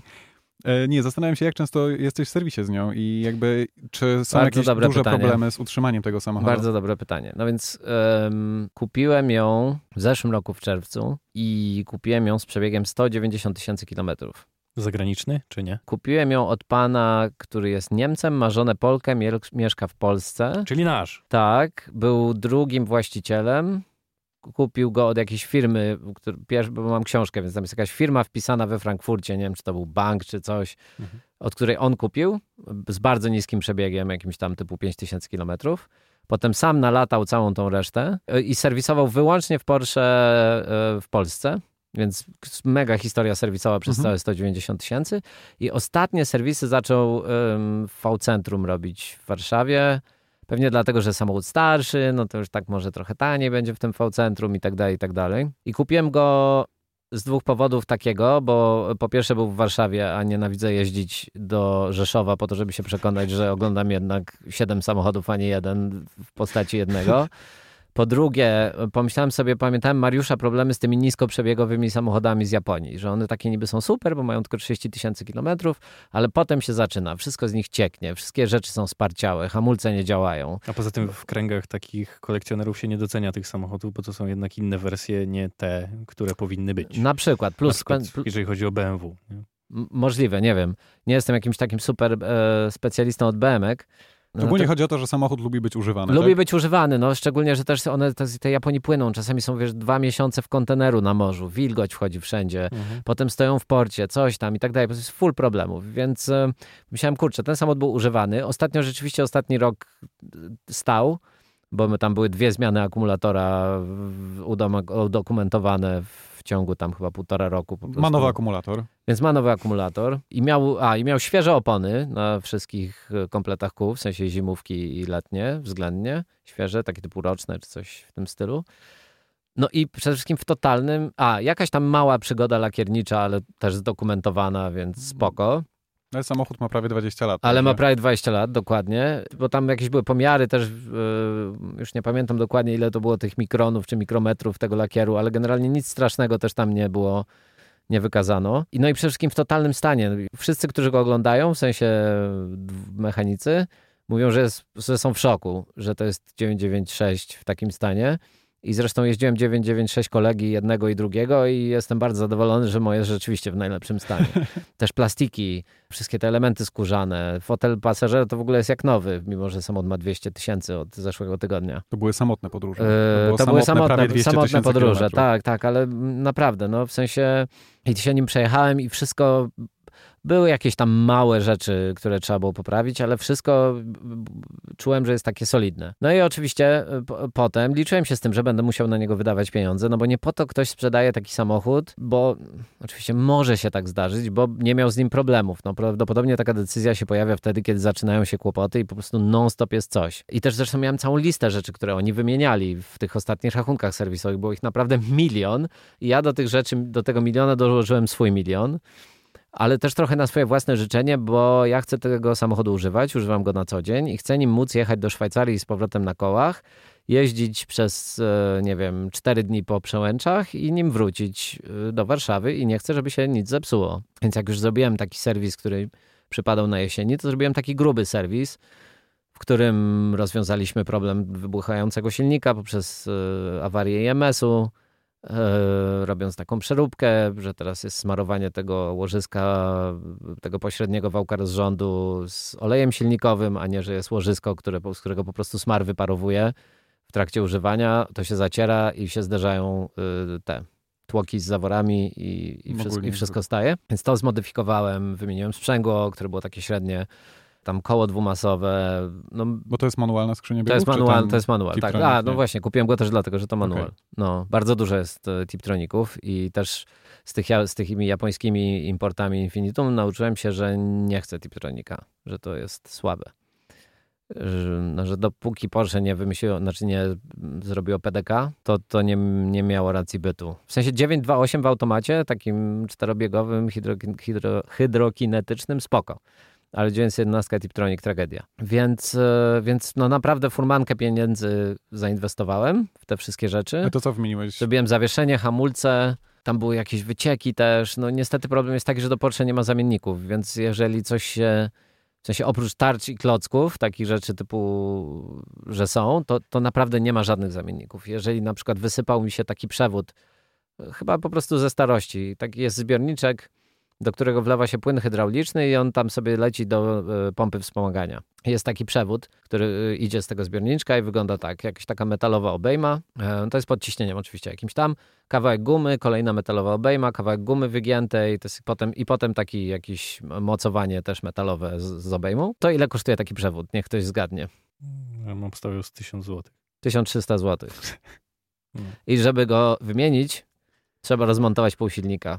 Dlatego, że generalnie cokolwiek to jest to samo, co mają właściciele Ferrari Czyli niektórych. to jest 1300 zł za sam... Za samą część. Za samą za część. Samą część tak za samą część. Więc bez roboty. I po prostu, e, ponieważ jest taki mały dostęp, jak otworzycie w każdym Porsche maskę, no teraz to już w ogóle nic nie widać, bo jest tylko taki mały wiatraczek i do wlewu spryskiwacza. Jakbyś komputer otworzył. Dokładnie. No ale nigdy ta dziura nie była duża specjalnie. Mhm. E, no to wszystko musisz robić od spodu. Jeżeli są jakieś rzeczy, do których nie ma dostępu, no to spuszczasz silnik za każdym razem. Więc Czyli ta robocizna jest droga. Ta robocizna też jest droga. I to, i to samo mają właściciele Ferrari. No, kupię sobie tanie Ferrari. Mm -mm. Bo potem e, po prostu za każdym razem cokolwiek pff, silnik w dół, silnik w dół, silnik w dół i potem 8 tysięcy w serwisie, 9 tysięcy w serwisie i tak dalej, i tak dalej. Więc e, ja trochę o tym wiedziałem, to bo taki mój kolega, który mieszka w Szwecji przez to przechodził, bo jak kupił sobie Carrera 4996 dwa lata temu i widziałem jego rachunek serwisowy za podobną ilość czynności, więc wiedziałem mniej więcej ile ile zapłacę. No, ale to są takie mm, mało przyjemne mało wydatki. przyjemne wydatki, natomiast teraz mam, poza że mam nadal jakiś wyciek i nie wiemy skąd, ale nie jest on poważny, bo nic, wszystko działa. Jeździ. I tak, tak, to jest ciągle ten sam płyn hydrauliczny swoją drogą, bo poznaję po kolorze, ale nie wiem skąd on cieknie. Mam wrażenie, że jest... że po prostu ciek, jest nalane za dużo i cieknie spod korka, który jest troszeczkę luźny. I okay. po prostu się wydaje, jakby gdzieś wycięła, a po prostu wywala górą, jak, jak po prostu jeżdżę. Tak, no to rozrząd mam zrobiony, sprzęgło mam zrobione, dwumasę mam wymienioną, IMS mam rozwiązany, e, tak żeby silnik nie wybuchał. No wszystkie filtry płyny, bla, bla, bla, świece, etc. Wymieniłem ten przewód, wymieniłem hamulce, wymieniłem zawieszenie, nowe takie... Mm, wszystkie gumy jakby w drążkach i, i jakieś tam, tam są mhm. takie też takie dziwne drążki pomocnicze, coś tam i tak dalej, i tak dalej. To w ogóle transformacja samochodu. Jak odebrałem samochód po tej robocie, to w ogóle byłem w szoku, że on tak skręca i że jest taki, jak to mówią Anglicy, planted, bo wcześniej był taki trochę, że miałem wrażenie, mm, jednak trochę takie stare Porsche to nie to samo co nowe. I Trochę w, się bują, I w tak? ogóle tak się nie jest taki precyzyjny i tak dalej, i tak dalej. A teraz jestem w szoku. W sensie dokładnie każdy mikrometr czuć nie hamował też, bo były jakieś takie dziwne, jakieś klocki, które po, po tym, jak się wybrałem na tor Modlin z kolegami, to po rozmontowaniu hamulców odpadł od tego twardego kawałka klocka od, odpadł ten pad, po prostu się rozleciały. Więc teraz mam porządne hamulce od mojego kolegi Marcina, który zresztą jestem jednym z tych kolegów, co się ścigali w wyścigach. Czyli A teraz handluję hamulcami. Zamienniki. Tak, mam chyba, jakie ja mam tam hamulce? Ferodo i chyba AT, albo coś takiego, tarcze. I też przewody w stalowym oplocie i tam jakiś lepszy płyn nalaliśmy, bo nie wiadomo kto co tam lał wcześniej, bo się trochę też w tym modlinie ten płyn zaczął gotować, więc pewnie był jakiś tam słaby. Wszystko mam zrobione i następny stage... Twin Turbo. To nie, nie, to jest jakaś tam taka, to jest jakaś taka kosmetyka, bo to jednak jest Stożek. 20-letni samochód. Więc, ja- więc na przykład zauważyłem przy którymś myciu, że jak są takie na progach takie nakładki z napisem Porsche, to że tam jakiś taki malutki purchelek wychodzi, bo tam pewnie się woda zbiera. Więc jakaś taka kosmetyka. Chciałbym głośniki wymienić, bo mają jednak 20 lat, a są w podszybiu i tam podejrzewam, że się, są największe różnice temperatur, nagrzewa się, stygnie, zimno, coś tam i po prostu Mhm. brzmią fatalnie po 20 latach. Więc na te road tripy, żeby jednak była jakaś muzyka taka, która, której nie słyszę wyłącznie wysokich tonów, to się przyda zrobić. Albo wiesz, JBL, taki Mam- malutki głośniczek. I... Tak, na, na taśmę klejącą przyklejony do tego. Mam, e, ktoś, ktoś też zmienił tylne oświetlenie tablicy rejestracyjnej na LEDowe i to mi się bardzo nie podoba, bo jest bardzo zimne i bardzo... Mm, Pewnie Ba- kontrastuje. bardzo troszeczkę. mocne, tak. I myślałem, że to same żarówki, a to są całe moduły, więc muszę też moduły wymienić. Co jeszcze? Miałem jakieś takie dziwne czarne dekielki w felgach Porsche, więc wymieniłem na srebrne, bo to wyglądało tak tuningowo. Mam telefon oryginalny Nokii, e, taki na kablu no, i mam w nim nawet kartę SIM, można do mnie dzwonić, to jest spoko. I zastanawiam się teraz, jak wyszło nad tym, nad tym oryginalnym porszowskim radiem, tym 2 DIN z Bluetoothem, które wyszło Mhm. do 996, tylko ono kosztuje 1700 euro. Mówiliśmy Właśnie- o nim, nie? Kiedyś. No. Tak, mówiliśmy o nim, Tak. ale w sobotę z... poznałem kolegę, który jeździ 964, 911 Mhm. i on z kolei też się zastanawiał nad wymianą radia. Tak. I- Tylko on na to mniejsze. Tak, on na to mniejsze, Mhm. ale jest w identycznej cenie, co jest Mhm. Tak. No Porsche, no. zaskakujące. Porsche tak. ci sprzeda coś mniej za więcej, wiesz, zawsze. I on wziął i zamówił z AliExpress za 130 zł i rzeczywiście wygląda prawie identycznie jak tamto i Okej. doskonale gra, bo za, zapytał się jeszcze, po, pojechał do swojego znajomego, który zajmuje się ogólnie audio w samochodach, jakoś dobrze mu podłączył i rzeczywiście brzmiał bardzo dobrze, mimo tego, że głośniki też są jednak trochę stare. No ja głównie potrzebuję tego, właśnie się zastanawiam, czy to jest mi potrzebne, bo bardzo mi się podoba w ogóle oryginalny look mojego samochodu. W sensie nic nie ma w nim takiego zrobione, co nie byłoby oryginalne. Stąd te z tyłu podświetlenie mnie denerwuje tych Mhm. tablicy, tylko rzadko jadę za sobą. Ale pewnie fajnie było zapominam mieć Apple. CarPlay i w ogóle. Ale Apple CarPlay byłoby mieć fajnie, bo no czasami jednak musisz pojechać po tej nawigacji i, i kurde, nie cierpię też tych przystawek, tak na przykład wsiadam, wsiadłem ostatnio do kolegi do samochodu i od razu mu od, odwieśniaczyłem całą przednią szybę, bo nie jechałem jeszcze CX-30, on przyjechał CX-30, odebrał mnie z Volvo, ja oddawałem jakiś samochód prasowy. Mówię, o to się przejadę CX-30, bo jeszcze nie jechałem. Wsiadam, a on ma tak, mocowanie na telefon, e, wideorejestrator, więc po prostu weź to zdejmij wszystko, nie chcę, żeby ludzie mnie widzieli w tym samochodzie, że po prostu jadę jak uberowiec jakiś albo taksówkarz, no. Co, to w ogóle jest, no. Więc po prostu pozdejmował to, to szybko, więc jestem przeciwnikiem tych wszystkich przystawek. Mój tata też uwielbia sobie tak zawieśniaczyć, samochód ma e, MX-5, którą właśnie jak pożyczam od niego, to przez pierwsze przez pół godziny zdejmuję wszystko to, co on na nią Gdzie w wkł- MX-5 jest miejsce na to wszystko? no on ma tutaj tu, tu ma jakąś matę na telefon, tutaj ma przystawkę, tutaj ma jakąś tam mm, maskotkę, którą gdzieś tam dostał na zlocie MX-5, jakieś korale na, na fotelach, bo go plecy bolą i tak dalej. Ja po prostu po pół godziny zdejmowania tych wszystkich rzeczy, upychania ich w bagażniku dopiero jestem w stanie odjechać z jakimś tam w miarę czystym sumieniem, a teraz już od niego nie pożyczam tej MX-5, bo mm, jest po prostu cała w naklejkach ze zlotów Mazdy. Więc wygląda jak taki po prostu wiejski autokar z, w latach 80. Brakuje tylko takich proporczyków. Kojarzycie? Były takie w autosanach Tak, takie, tak, tak, takie tak. proporczyki. No, ale masz To już byłby komplet. dowodzenia no, i psujesz Tak. to, jak wsiadasz do tego auta. No, a tu chodzi o to, że masz piękny kokpit samolotowy, gdzie możesz wszystko obsługiwać. Nie? No, więc ojciec niestety na starość przestał się przejmować wy wyglądem i po prostu kolekcjonuje wszystko, co się da i tak nie tylko w domu, ale też w samochodzie. Zobaczymy, jak będzie z nami w takim Będzie razie. tak samo niestety, podejrzewam, podobnie. Ja jestem bardzo ciekaw, bo pamiętam twoją relację e, Rolls Royce'a Kalina na z Los Angeles bodajże. Tak? tak, miałem w Los Angeles, y, to, to, opowiadałem chyba już raz w, jednym audy, w jednej audycji radiowej w Nuansie.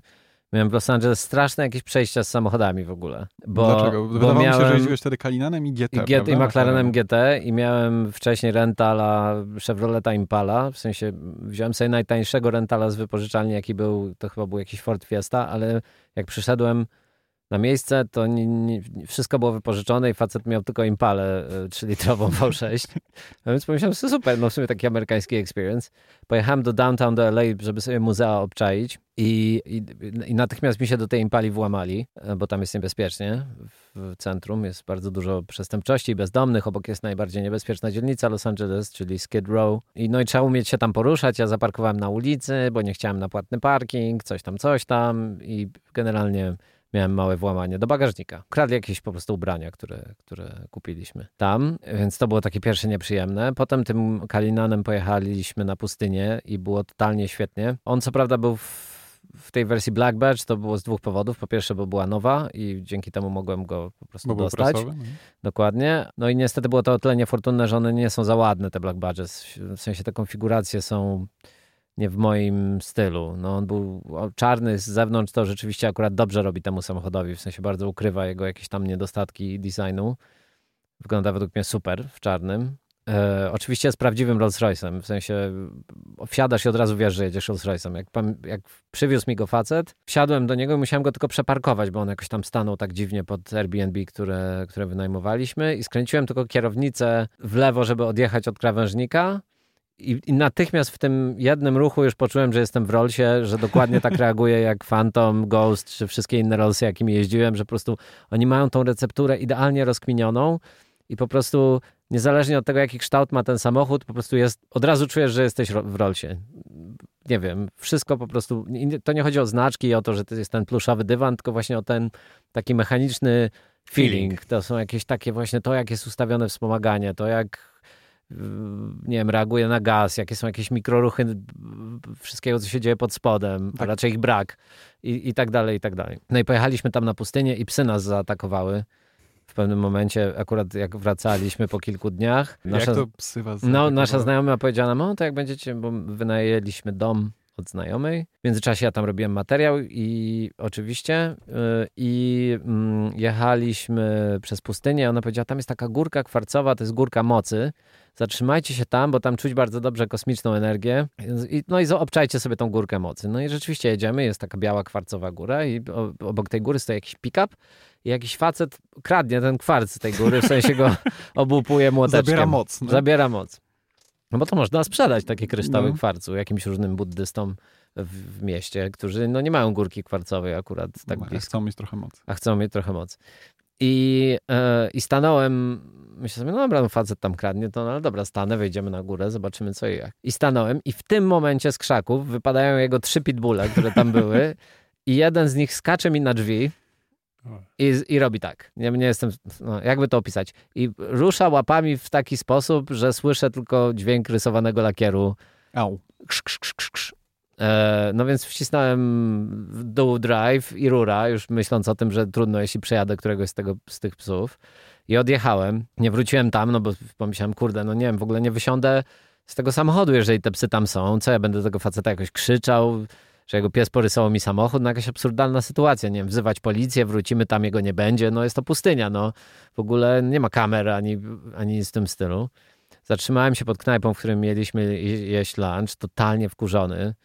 No bo oczywiście wiecie, no samochód jest ubezpieczony i tak dalej, ale no... to nigdy nie jest przyjemne. Ale to nigdy nie jest przyjemne, bo nie chcesz być tym, nawet jeśli nie ty zniszczyłeś, to nie chcesz być tym gościem, którego potem kojarzą, że no, coś tam, w sumie nie jego wina, ale było zniszczone. Niesmak zawsze pozostaje. Jasne. Więc zatrzymałem się pod, e, pod knajpą, patrzę, takie straszne ślady. Myślę sobie, Jezu Chryste, co to będzie? No i tam zadzwoniłem do mojego kolegi dziennikarza motoryzacyjnego, on mnie uspokoił, powiedział, nie, oni są, są ubezpieczeni, w ogóle się nie przejmuj i tak dalej. Na pewno gorsze rzeczy się zdarzały, no trudno po prostu, a może nikt nie zauważy i w ogóle ten. No i e, następnego dnia w Palm Springs pojechałem do Maine i jak już wyjechał z Maine, to się kapnąłem, że w ogóle to nie jest tak taki straszna rzecz, bo było bardzo po prostu dużo kurzu w tych mikrozadrapaniach i, i one są w ogóle mniejsze niż mi się wydawało. Że ten pies tak mocno nie... Zresztą ten lakier jakiś bardzo dobry, że, tak, że, no, że tak mocno te, tego samochodu nie załatwił. Więc pojechałem do takiego supermarketu samochodowego, kupiłem wosk, kupiłem po, pastę polerską, kupiłem mikrofibry, pada i tak dalej, i tak dalej. I pod, i pod hotelem w Palm Springs wypolerowałem te drzwi w taki sposób, że nie został został ślad w jednym miejscu, w zagłębieniu takim klamki, gdzie nie mogłem dobrze wypolerować, ale to równie dobrze ktoś mógłby pierścionkiem jakimś czymś po prostu zahaczyć w tym. I przyjechał facet, odebrał samochód i pojechał. Pięć minut później przywieźli mi McLaren, niebieskiego McLarena GT. No, sami wiecie, tych samochodów w Polsce one są rzadko, ciężko jest o dostęp do nich i tak dalej. One przyjeżdżają, odjeżdżają. To nie jest tak, że tutaj importer ma jakieś demówki, bo nie no, no przyjeżdżają z Wielkiej Brytanii. Przyjeżdżają z Wielkiej Brytanii, potem je zabierają. Więc, to, więc nie mam żadnego doświadczenia z McLarenami, bo po prostu um, odkąd jest ten importer w Polsce, to ja trochę pracuję właśnie coraz mniej jako dziennikarz, coraz bardziej pracuję też jako dziennikarz z samochodami zabytkowymi, więc nie jeździłem nigdy McLarenem, więc poprosiłem, żeby mi wytłumaczył co i jak, żebym po prostu nie musiał się jeden dzień domyślać, gdzie się coś zmienia, albo gdzie się podnosi przód. Tym bardziej, że McLaren intuicyjny nie jest. Tak, tak, tak no bo tam, tam jest taki, do podnoszenia dowiedzieć. przodu jest taki jakby jak od kierunkowskazu taka manetka i ona Tylko dokładnie jest ukryta pod kierownicą, tak żeby GT, jej nie było widać. A w 570S musisz wybrać odpowiednią opcję na Jeszcze menu opcję, i dopiero tak. wtedy nacisnąć. A, e, no tak. No to tutaj zrobili lepiej, to nie wiedziałem. No i on mi tam wszystko to wytłumaczył, gdzie co jest. Podpisałem papiery. W papierach oni, oczywiście tak jak Ford w Polsce, nie są ubezpieczeni, bo są na tyle małą firmą, że stwierdzają, że będzie taniej, jeżeli oni sami naprawią, niż by, żeby mieli za flotę płacić ubezpieczenie. Mhm. Także uważajcie, jakbyście rozbijali jakieś Fordy z polskiego parku tak prasowego. Tak A, w Renault też tak jest, dobrze. Tfu, tfu, odpukać oczywiście nikomu nie życzę e, jakichkolwiek nieprzyjemnych przygód. No i on odjechał, e, kolega po niego przyjechał, on odjechał. Wcześniej zamknęliśmy drzwi, które otwierają się do góry. Ja wszedłem po jakiś tam plecak na górę do, do, do mieszkania Airbnb kolejnego wynajętego w kolejnym miejscu i usłyszałem przez okno jakiś taki dziwny dźwięk, ponieważ ten dom był w innej części alei niż mieszkałem wcześniej, tam gdzie jest y, górzyście i są takie skarpy, jakby się coś suwało po tej skarpie. I pomyślałem sobie, o, coś się suwa po skarpie, jak, jakaś gałąź czy coś. Ciekawy, o Jezu, McLaren, więc wyjrzałem przez okno, nie, no spoko, nic nie ma, ulica pusta, nic, nic się nie zsunęło, nic, nic nie widać, nic się nie stało samochodowi.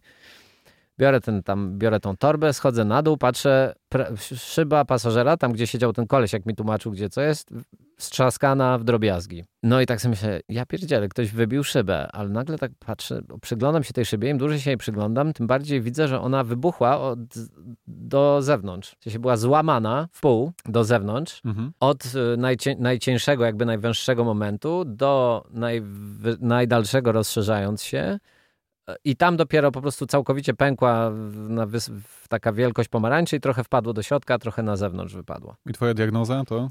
No i zadzwoniłem do nich i powiedziałem, słuchajcie, no nigdzie nie pojadę waszym McLarenem, gdyż właśnie wybuchła w nim szyba. A pani mówi, Laura z PR-u McLarena w Ameryce mówi, ale jak to wybuchła? Ja mówię, no słuchaj, totalnie wybuchła. Ale jak to ktoś się wybił? Ja mówię, nie wiem, no sprawdzimy na monitoringu zaraz i tak dalej, i tak mhm. dalej, bo jest tam w domu, na domu jest kamera a w ogóle nikogo nie było na ulicy. Nie widać momentu, kiedy ona wybucha, bo samochód tak stał, że kąt jakby nie, nie pasuje. nie pasuje, ale widać, że nikt, nikogo nie ma, więc to nikt jej nie wybił. Wydaje mi się, że była jakiś, e, jakaś awaria była tego systemu, który opuszcza i podnosi szyby podczas otwierania i zamykania drzwi, no bo one są bezramkowe i wchodzą w uszczelkę. A ponieważ one są otwierane do góry, to coś musiało nie zabanglać, jak on te, te drzwi zamknął i nimi trzasnął i jakieś takie napięcie poszło, to się widocznie jakoś nie opuściło na czas, jakoś weszło w jakąś inną część może tej, tej uszczelki i tak dalej, i tak dalej, że po prostu ona pękła i dlatego pękła do zewnątrz. No i tutaj totalny kudos dla McLarena, bo się super zachowali, bo ona powiedziała, dobra, nie przejmuj się.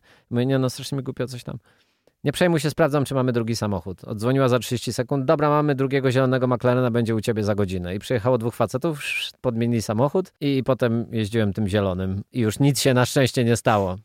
Szyby całe. Szyby całe. Jeździłem tym zielonym i, i, tak, miałem jedną z fajniejszych przejażdżek w moim życiu, moim kolegą, bo pojechaliśmy na Angeles Crest Highway, na którym wszyscy ci dziennikarze z Kalifornii zawsze testują samochody i tam zawsze jak są filmy z Magnusem Walkerem, że on jedzie Porsche mhm, albo on wrzuca, tak. to stamtąd. I on pojechał właśnie Aventadorem tym SVJ, on się nazywa Spider? Spider, czy E, Convertible, czy może. Roadster, czy Roadster. Roadster, tak, Roadster. No i sobie trochę pojeździłem back to back tymi dwoma samochodami i w ogóle moje pierwsze doświadczenie z Aventadorem i od razu najmocniejszym i od razu on już miał przestawiony w ten tryb chyba Ego, to jest ten najbardziej chyba hardkorowy, jest tam Corsa i chyba Ego jest. Ego to jest chyba ten indywidualny. indywidualny. tak. Indywidual, miał tam Ego i miał tam skonfigurowane jakieś rzeczy. Mhm. I, I trochę ten McLaren był, jest taki aseptyczny, w sensie oni, on nie jest ani GT, ani nie jest wygodny, trochę te wszystkie rzeczy, które go cywilizują, czynią go bez sensu. Co prawda jednocześnie jest też najładniejszym McLarenem dzięki temu, No to bo, nie, wy- bo nie wygląda jak taki but sportowy do, do crossfitu. Natomiast em, to Lambo, które wygląda jak but sportowy do crossfitu i te, w szybkich okularach jeszcze takich Oakley'ach bardzo kolorowych i tak dalej, i tak dalej, jest najbardziej taką organicznie żywą, os- ostrym, hardkorowym przeżyciem w nowoczesnym, szybkim samochodzie, bo też są takie organiczne i, i przeżycia w samochodach zabytkowych, tylko one są innego rodzaju, jakim w życiu jeździłem. W sensie to było niewiarygodne. Ja, ja nigdy nie pomyślałem, że, że tak może w ogóle być w samochodzie. Jeździłem też samochodami jakimiś wyścigowymi, ale że w samochodzie drogowym może być tak, że ruszasz o milimetr nad garstkami on od razu skręca w ścianę. Jeszcze tylko jest taki cholernie szeroki.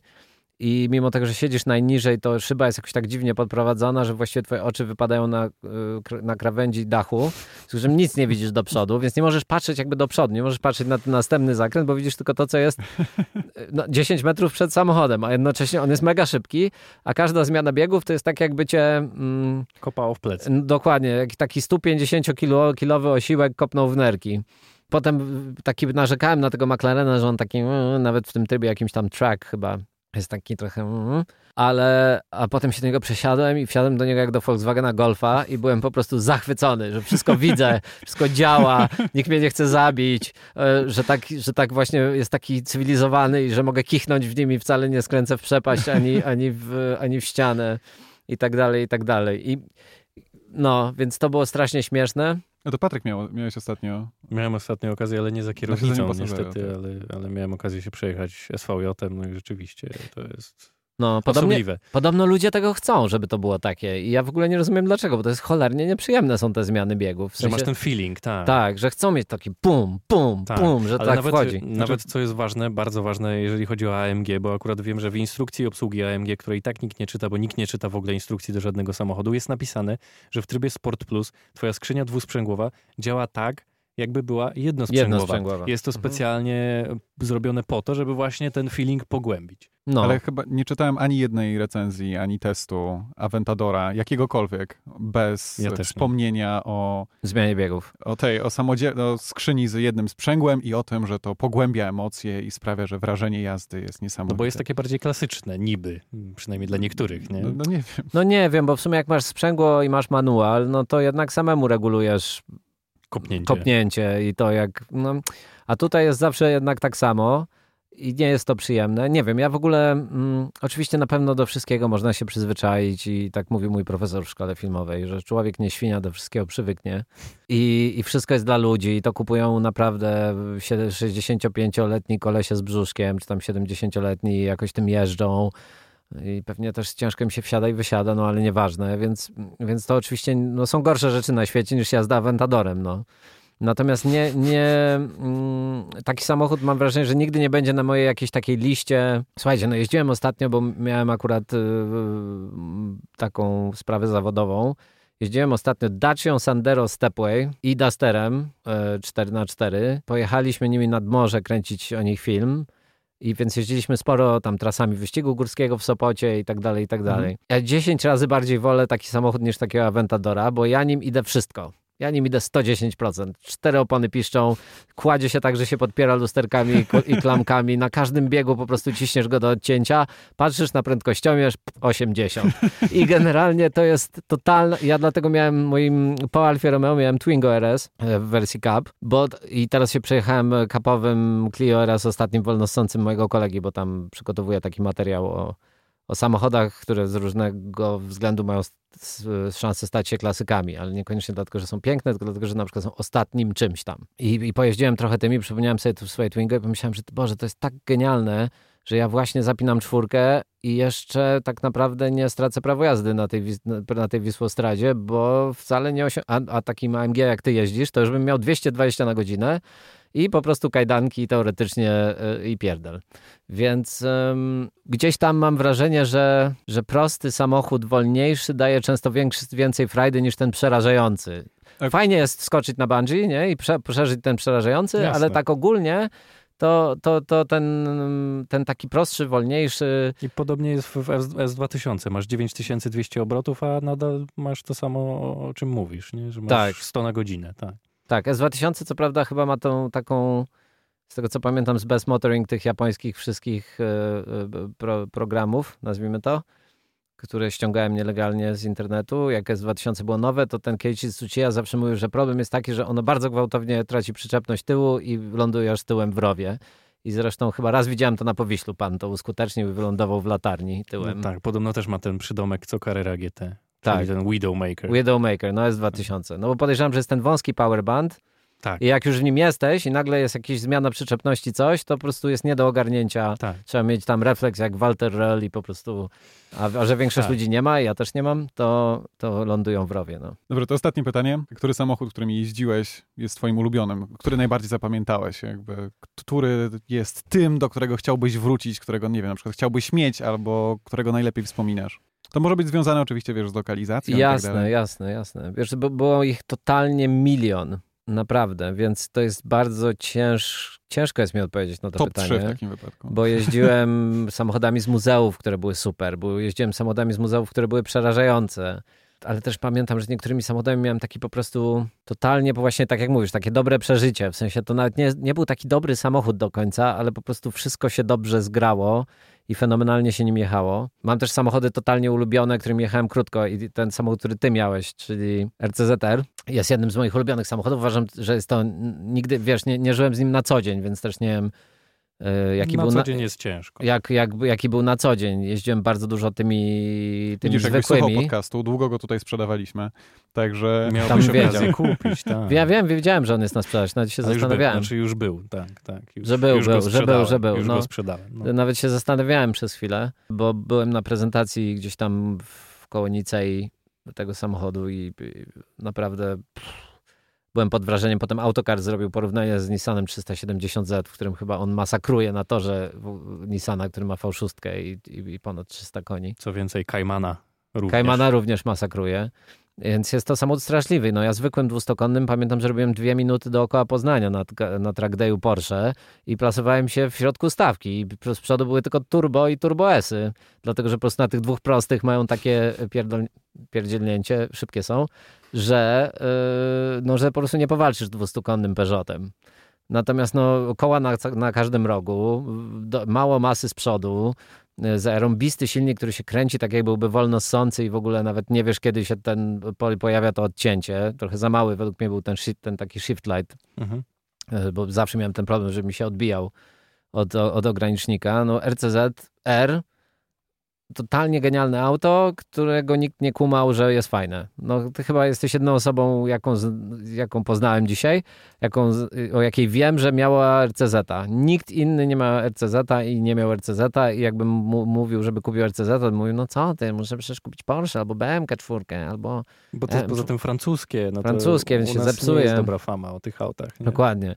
E, nie, nie. Ja byłem na dwóch road tripach po Europie. Jeden miał 6000 kilometrów i naprawdę. Bagaże weszły, byłem na snowboardzie nim. Tam jest ogromny bagażnik. Ogromny bagażnik, kładziesz tak. siedzenia, wrzucasz snowboard, wrzucasz torby. Wszystko Pod podłogą wchodzi. włożyłem skrzynkę wina jeszcze i, i, i moja dziewczyna ówczesna prowadziła już, bo nam się kasa skończyła, wracaliśmy z road tripu i mieliśmy, mieliśmy, miała jakieś takie szalone spalenie na niemieckiej autostradzie, że jak w Polsce, bo już nie mieliśmy euro, zatankowałem za złotówki, to pokazał chyba 960 km zasięgu na baku.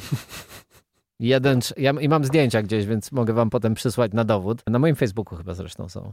Więc e, dla mnie to był taki najgenialniejszy, uniwersalny samochód sportowy przednionapędowy, jeden z najlepszych samochodów przednionapędowych, szczególnie w wersji ze szperą, jakie kiedykolwiek powstały totalnie niedoceniany. Myślę, że w takim moim garażu marzeń, w którym są różne dziwne auta, na pewno by się znalazło dla niego miejsce. Na 100% dla RCZ-a, którego sprzedałeś.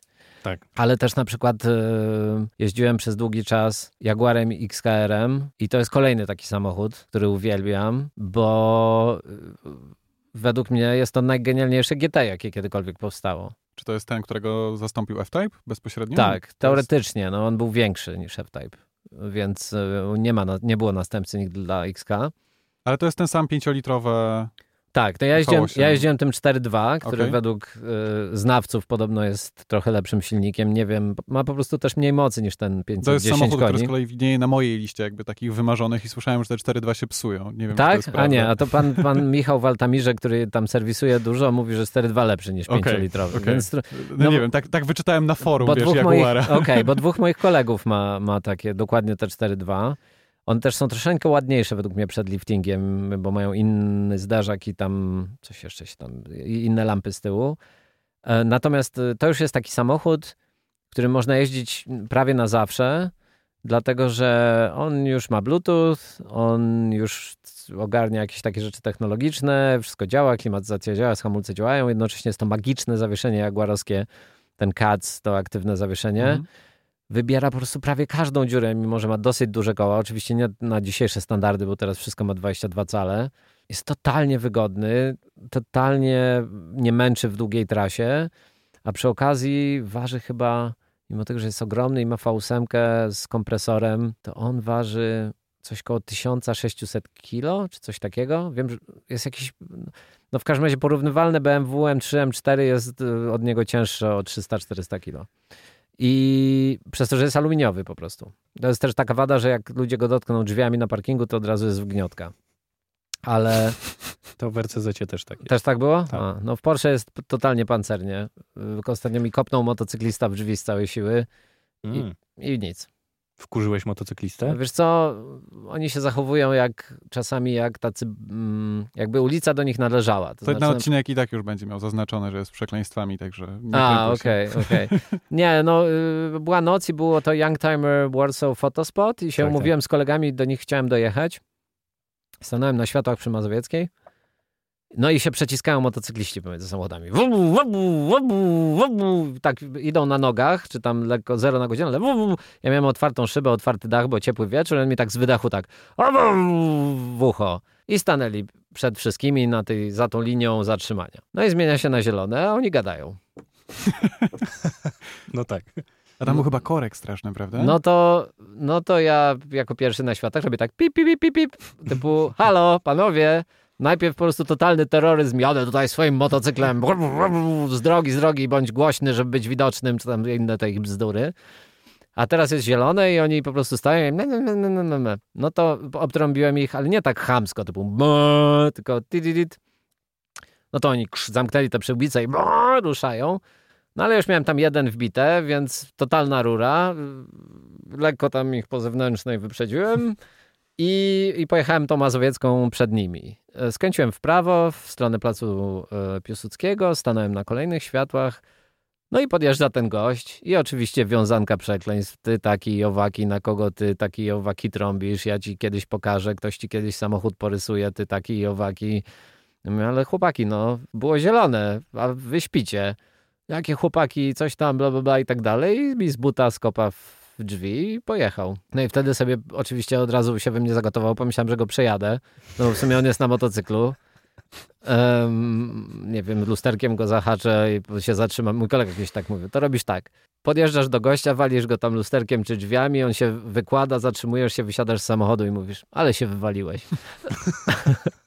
No, ale oczywiście tego nie zrobiłem, bo to takie są, takie są przebłyski typu przemocy, no nie? Wszyscy czasami je mamy, one są, Jasne. należy się ich raczej Te wstydzić. przemyślenia pod prysznicem, co bym powiedział, Co bym mu gdybym- powiedział, tak. ja mam zawsze takie, że jak już wyjdę z pokoju, to, to mam najlepsze riposty. No więc oni pojechali, ja pojechałem się spotkać z kolegami, ale sobie pomyślałem, że w tym kraju jest po prostu tyle jakiejś takiej agresji. E, I moja, moja reakcja po tym, jak on to zrobił, też była oczywiście agresywna, bo naruszył mój samochód i tak dalej, i tak miałem te myśli. No ale kurczę, no potem zobaczyłem i nie ma ani śladu, więc, yy, więc spoko. To dlaczego 911, skoro XKR? One są tańsze. Nie, nie są też. Nie? Nie, żeby dobrego znaleźć, to trzeba trochę Okej. więcej zapłacić. Plus Nie, jak 900, tak ogólnie po prostu spojrzysz 911 na to moto, to wiesz, to wychodzi na to, że... są jednak drobne różnice też w utrzymaniu. Eee, takie, że na przykład 911 w mieście pali 12, w trasie potrafi spalić 9,5, a ten XHR to w trasie pali 12, 13, a w mieście to pali tak 20. Mhm.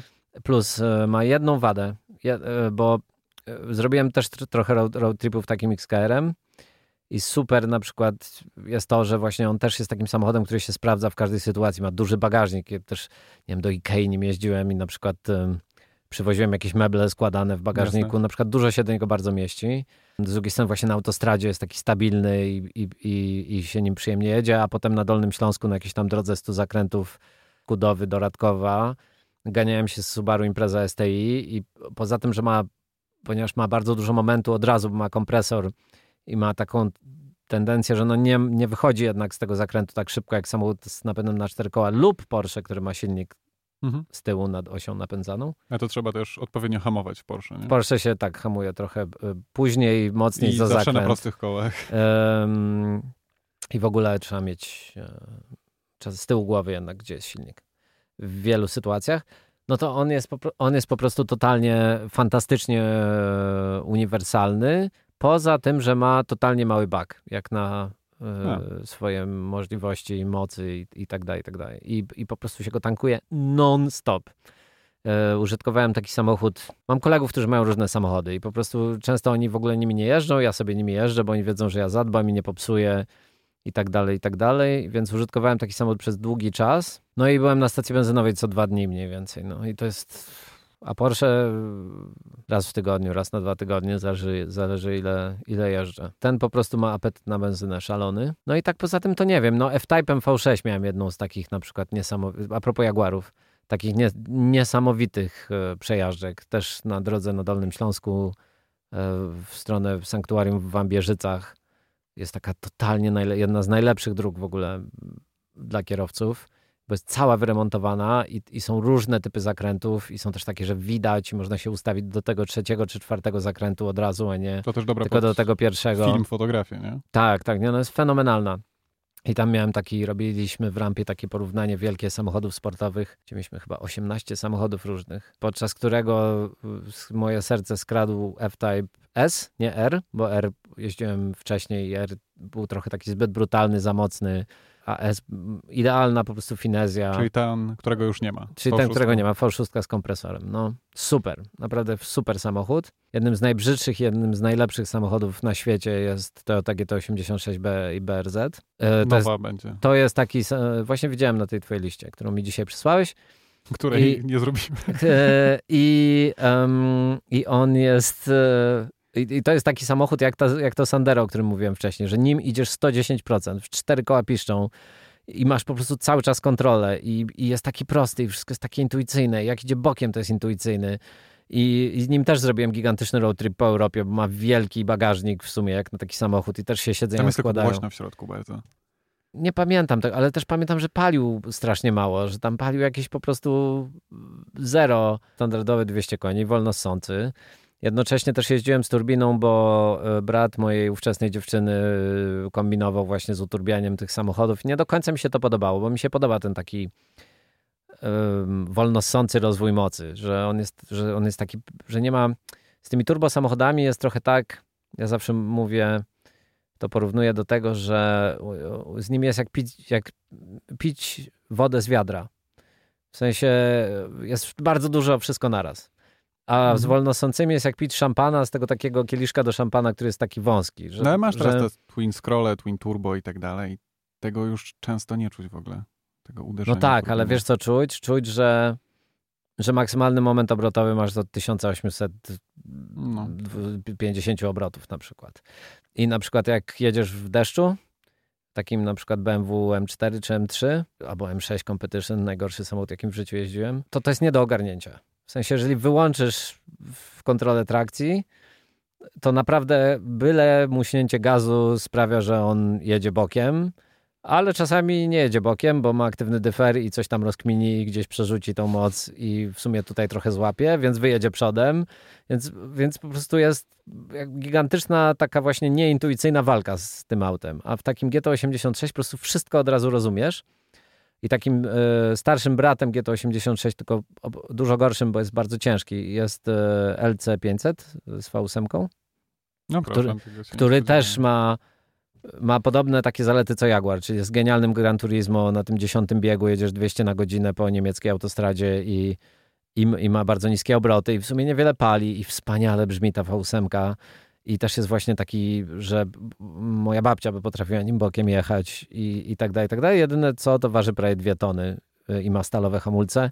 I słabo się sprzedaje. I, ale wygląda super i wszystkie dzieci pokazują go palcami, że jest statkiem kosmicznym mm, w porównaniu z GT86, które Pamiętam pierwszy raz, jak do niego wsiadłem, pojechałem w Bieszczady, żeby przejechać sobie wielką pętlę.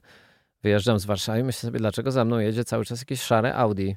A potem się kapnąłem, że to nie jest szare Audi, tylko to jest y, trzecie światło stopu, które wypełnia szczelnie lusterko wsteczne. tylko, że firma Toyota, wydając miliardy na research and development, jakoś się nie kapnęła, że to tak się jakoś składa, że tam nic nie widać. No i to był taki pierwszy minus, a potem już były same plusy i, i GT86 przejechałem chyba wszystkie alpejskie przełęcze, włącznie ze Stelvio i miałem naprawdę takie opus magnum mojej jazdy samochodem we Włoszech mieszkaliśmy w Airbnb, które było na szczycie góry i żeby zjechać do supermarketu na dół był po prostu OS. Taki OS na jeden samochód. Więc mhm. trzeba było zawsze się trochę modlić, żeby nikt z przeciwka nie jechał. I tam wziąłem dziewczynę mojego kolegi i powiedziałem, chodź, pojedziemy razem do sklepu. A ona mówi, dobra, to, to jedźmy. I w dół miałem taki moment, że po prostu, nie wiem, czułem się, że jestem jakimś, nie wiem, Filipem Bugalskim albo jakimś innym, nie wiem, francuskim rajdowym mistrzem asfaltów bo naprawdę było tak szybko i tak na milimetry wszędzie, że sam byłem w szoku, że, że to wszystko w ogóle wyszło. Po czym zjechałem na dół na Torondo pod, nad, pod tym supermarketem. Jak totalny bandyta zrobiłem całe Torondo bokiem. Stanąłem na tym supermarketowym parkingu i ona wtedy się popłakała.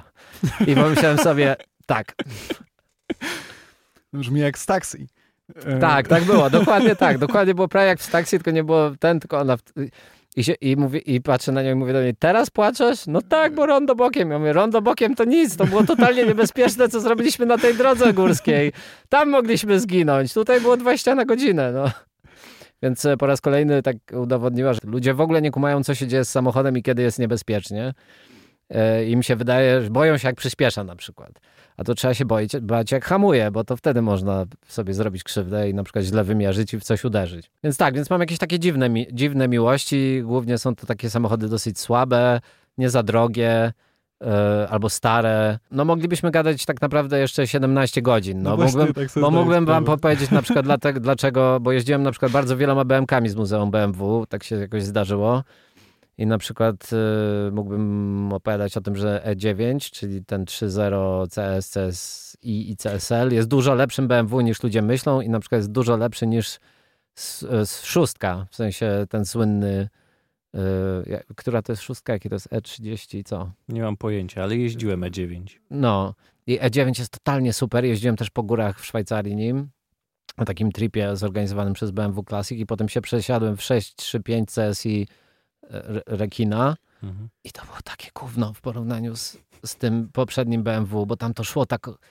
Bo to wszystko chodzi o to, jaka jest suma tych komponentów. Na przykład to Audi, co na nie narzekałem. Ten to, to szare w lusterku. To, y, nie, to A3 z silnikiem 1.5, mhm. które mi pożyczono. Y, bardzo miło, dziękuję bardzo Audi. Ten sam silnik w Skodzie, która jest 300 kg lżejsza, jest totalnie super. I ten, i, i, i ten samochód ciśnie na maksa i, i w ogóle masz taką wrażenie... jechałem takim kamikiem kamik, no. I masz wrażenie, że jest taki radosny i też w Bieszczadach jeździłem, e, bo robiliśmy jakiś film i że tak mu się chce jechać i on taki, to nie jest samochód sportowy, ale jakby ma taką jakby ma taką radość e, wpisaną w jakby w swoje, w sumę swoich komponentów, jak powiedziałem, czyli że, że generalnie on sobie tam tak się układa to zawieszenie, on sobie tam ciśnie i tak dalej, i tak dalej. Nie czujesz, że ten silnik się z nim mocuje, że właśnie się męczy, że wyje i to tak dalej. To nie jest tak, tak jak z 1.0. Jest duża różnica pomiędzy Tak, jest duża, jest duża różnica. I, i, że, I sobie myślisz, no dobrze to jest zrobione, bo jest jakby ten samochód zbudowany wokół tego silnika 1.5 naprawdę jakby się sprawdza. W tym Audi przez to, że jest 200 kg więcej, nie wiadomo dlaczego, Skoda ma 1300 kg, Audi ma 1500, nie wiem, czy są wygłuszenia, te wszystkie jakieś, nie wiem, ten system audio Bang Olufsen i tak dalej, i tak dalej, że to wszystko waży. Bo Skoda też ma szklany dach i jakieś tam różne bajery. To już masz wrażenie, że ten silnik się, się męczy z tym samochodem. I podobnie było z tym E9 versus to 635 CSI, bo y, tam był taki silnik, który był miał wszystko niżej, wolnosący, a znowu ten nowy silnik BMW, nowszy, z, z lat 70., miał wszystko u góry. I w tych górach każdy nawrót w związku z tym był redukcją do jedynki. I każdy miałem wrażenie, że po prostu muszę tak piłować tą BMK po to, żeby ona chciała się rozpędzać pod górę, podczas tym, gdy tym starszym samochodem na węższych oponach, lżejszym, z mniejszą ilością wyposażenia, miałem wrażenie, że ten 3-litrowy poprzedni silnik po prostu tak tak go rozpędza, tak cały czas chciał jechać. I, i, i podobna różnica miałem, jak jeździłem E21 kabrioletem Baura, a następnego y, po lunchu, tam parę godzin później jeździłem E30 325, takim marzeniem każdego Polaka w, mhm. swojego czasu. I tam też miałem wrażenie, że to 325 jest takie zamulone i że tak się nie rozpędza. A tamten tak podskakiwał na tych włoskich zakrętach tak po, po, po, i, i po prostu sobie zasuwał i był taki właśnie Taki właśnie radosny, no. Podobał mi się. Ale mamy dzisiaj historię. Tak, tak. Moi drodzy, chyba już skończymy, co? Bo... Sorry, właśnie, przepraszam. No. Chyba musimy ja na dzisiaj skończyć. Aczkolwiek Błażeju, jeżeli byś był taki miły i chciał jeszcze raz nas odwiedzić, to zapraszamy. Pewnie, chętnie wam opowiem. Też jak się jeździ przedwojennym Rolls Royce'em, bo to też jest ciekawe. Mm. Coś sobie jeszcze przypomnę. No to po prostu było tego bardzo dużo i i trochę rzeczy już słyszymy, może zapomniałem. Słyszymy. Trochę rzeczy już może wiele zapomniałem. No. Wiele opowieści rzeczywiście. Ścigałem się Mini na przykład we Włoszech kiedyś dzięki BMW Polska. E, to też było fajne. No różne rzeczy robiłem. Serdecznie dziękujemy Ci za przyjście do nas. I Dziękuję to jest odcinek wam. specjalny z Błażejem Żuławskim. Dziękuję. My się żegnamy. Dziękujemy bardzo. Pamiętajcie o tym, żeby tam gdzieś kliknąć, gdziekolwiek nas nie słuchaliście, czy to był Spotify, iTunes, czy gdziekolwiek żeby tak, zawsze pamiętać o następnych odcinkach. Oczywiście piszcie, tak. jeżeli macie jakieś uwagi i tak dalej. Nasze Instagramy są w opisie, ale możemy też przypomnieć. Błażeju, tutaj jest moment, w którym możesz, możesz się zareklamować ze swoim Instagramem. Mój Instagram to jest ma małpa oczywiście, at zulaw.ski. Okej. Okay. Okay. Nasze to kameralnie oraz okiem kierowcę i do usłyszenia za tydzień. Hej, cześć.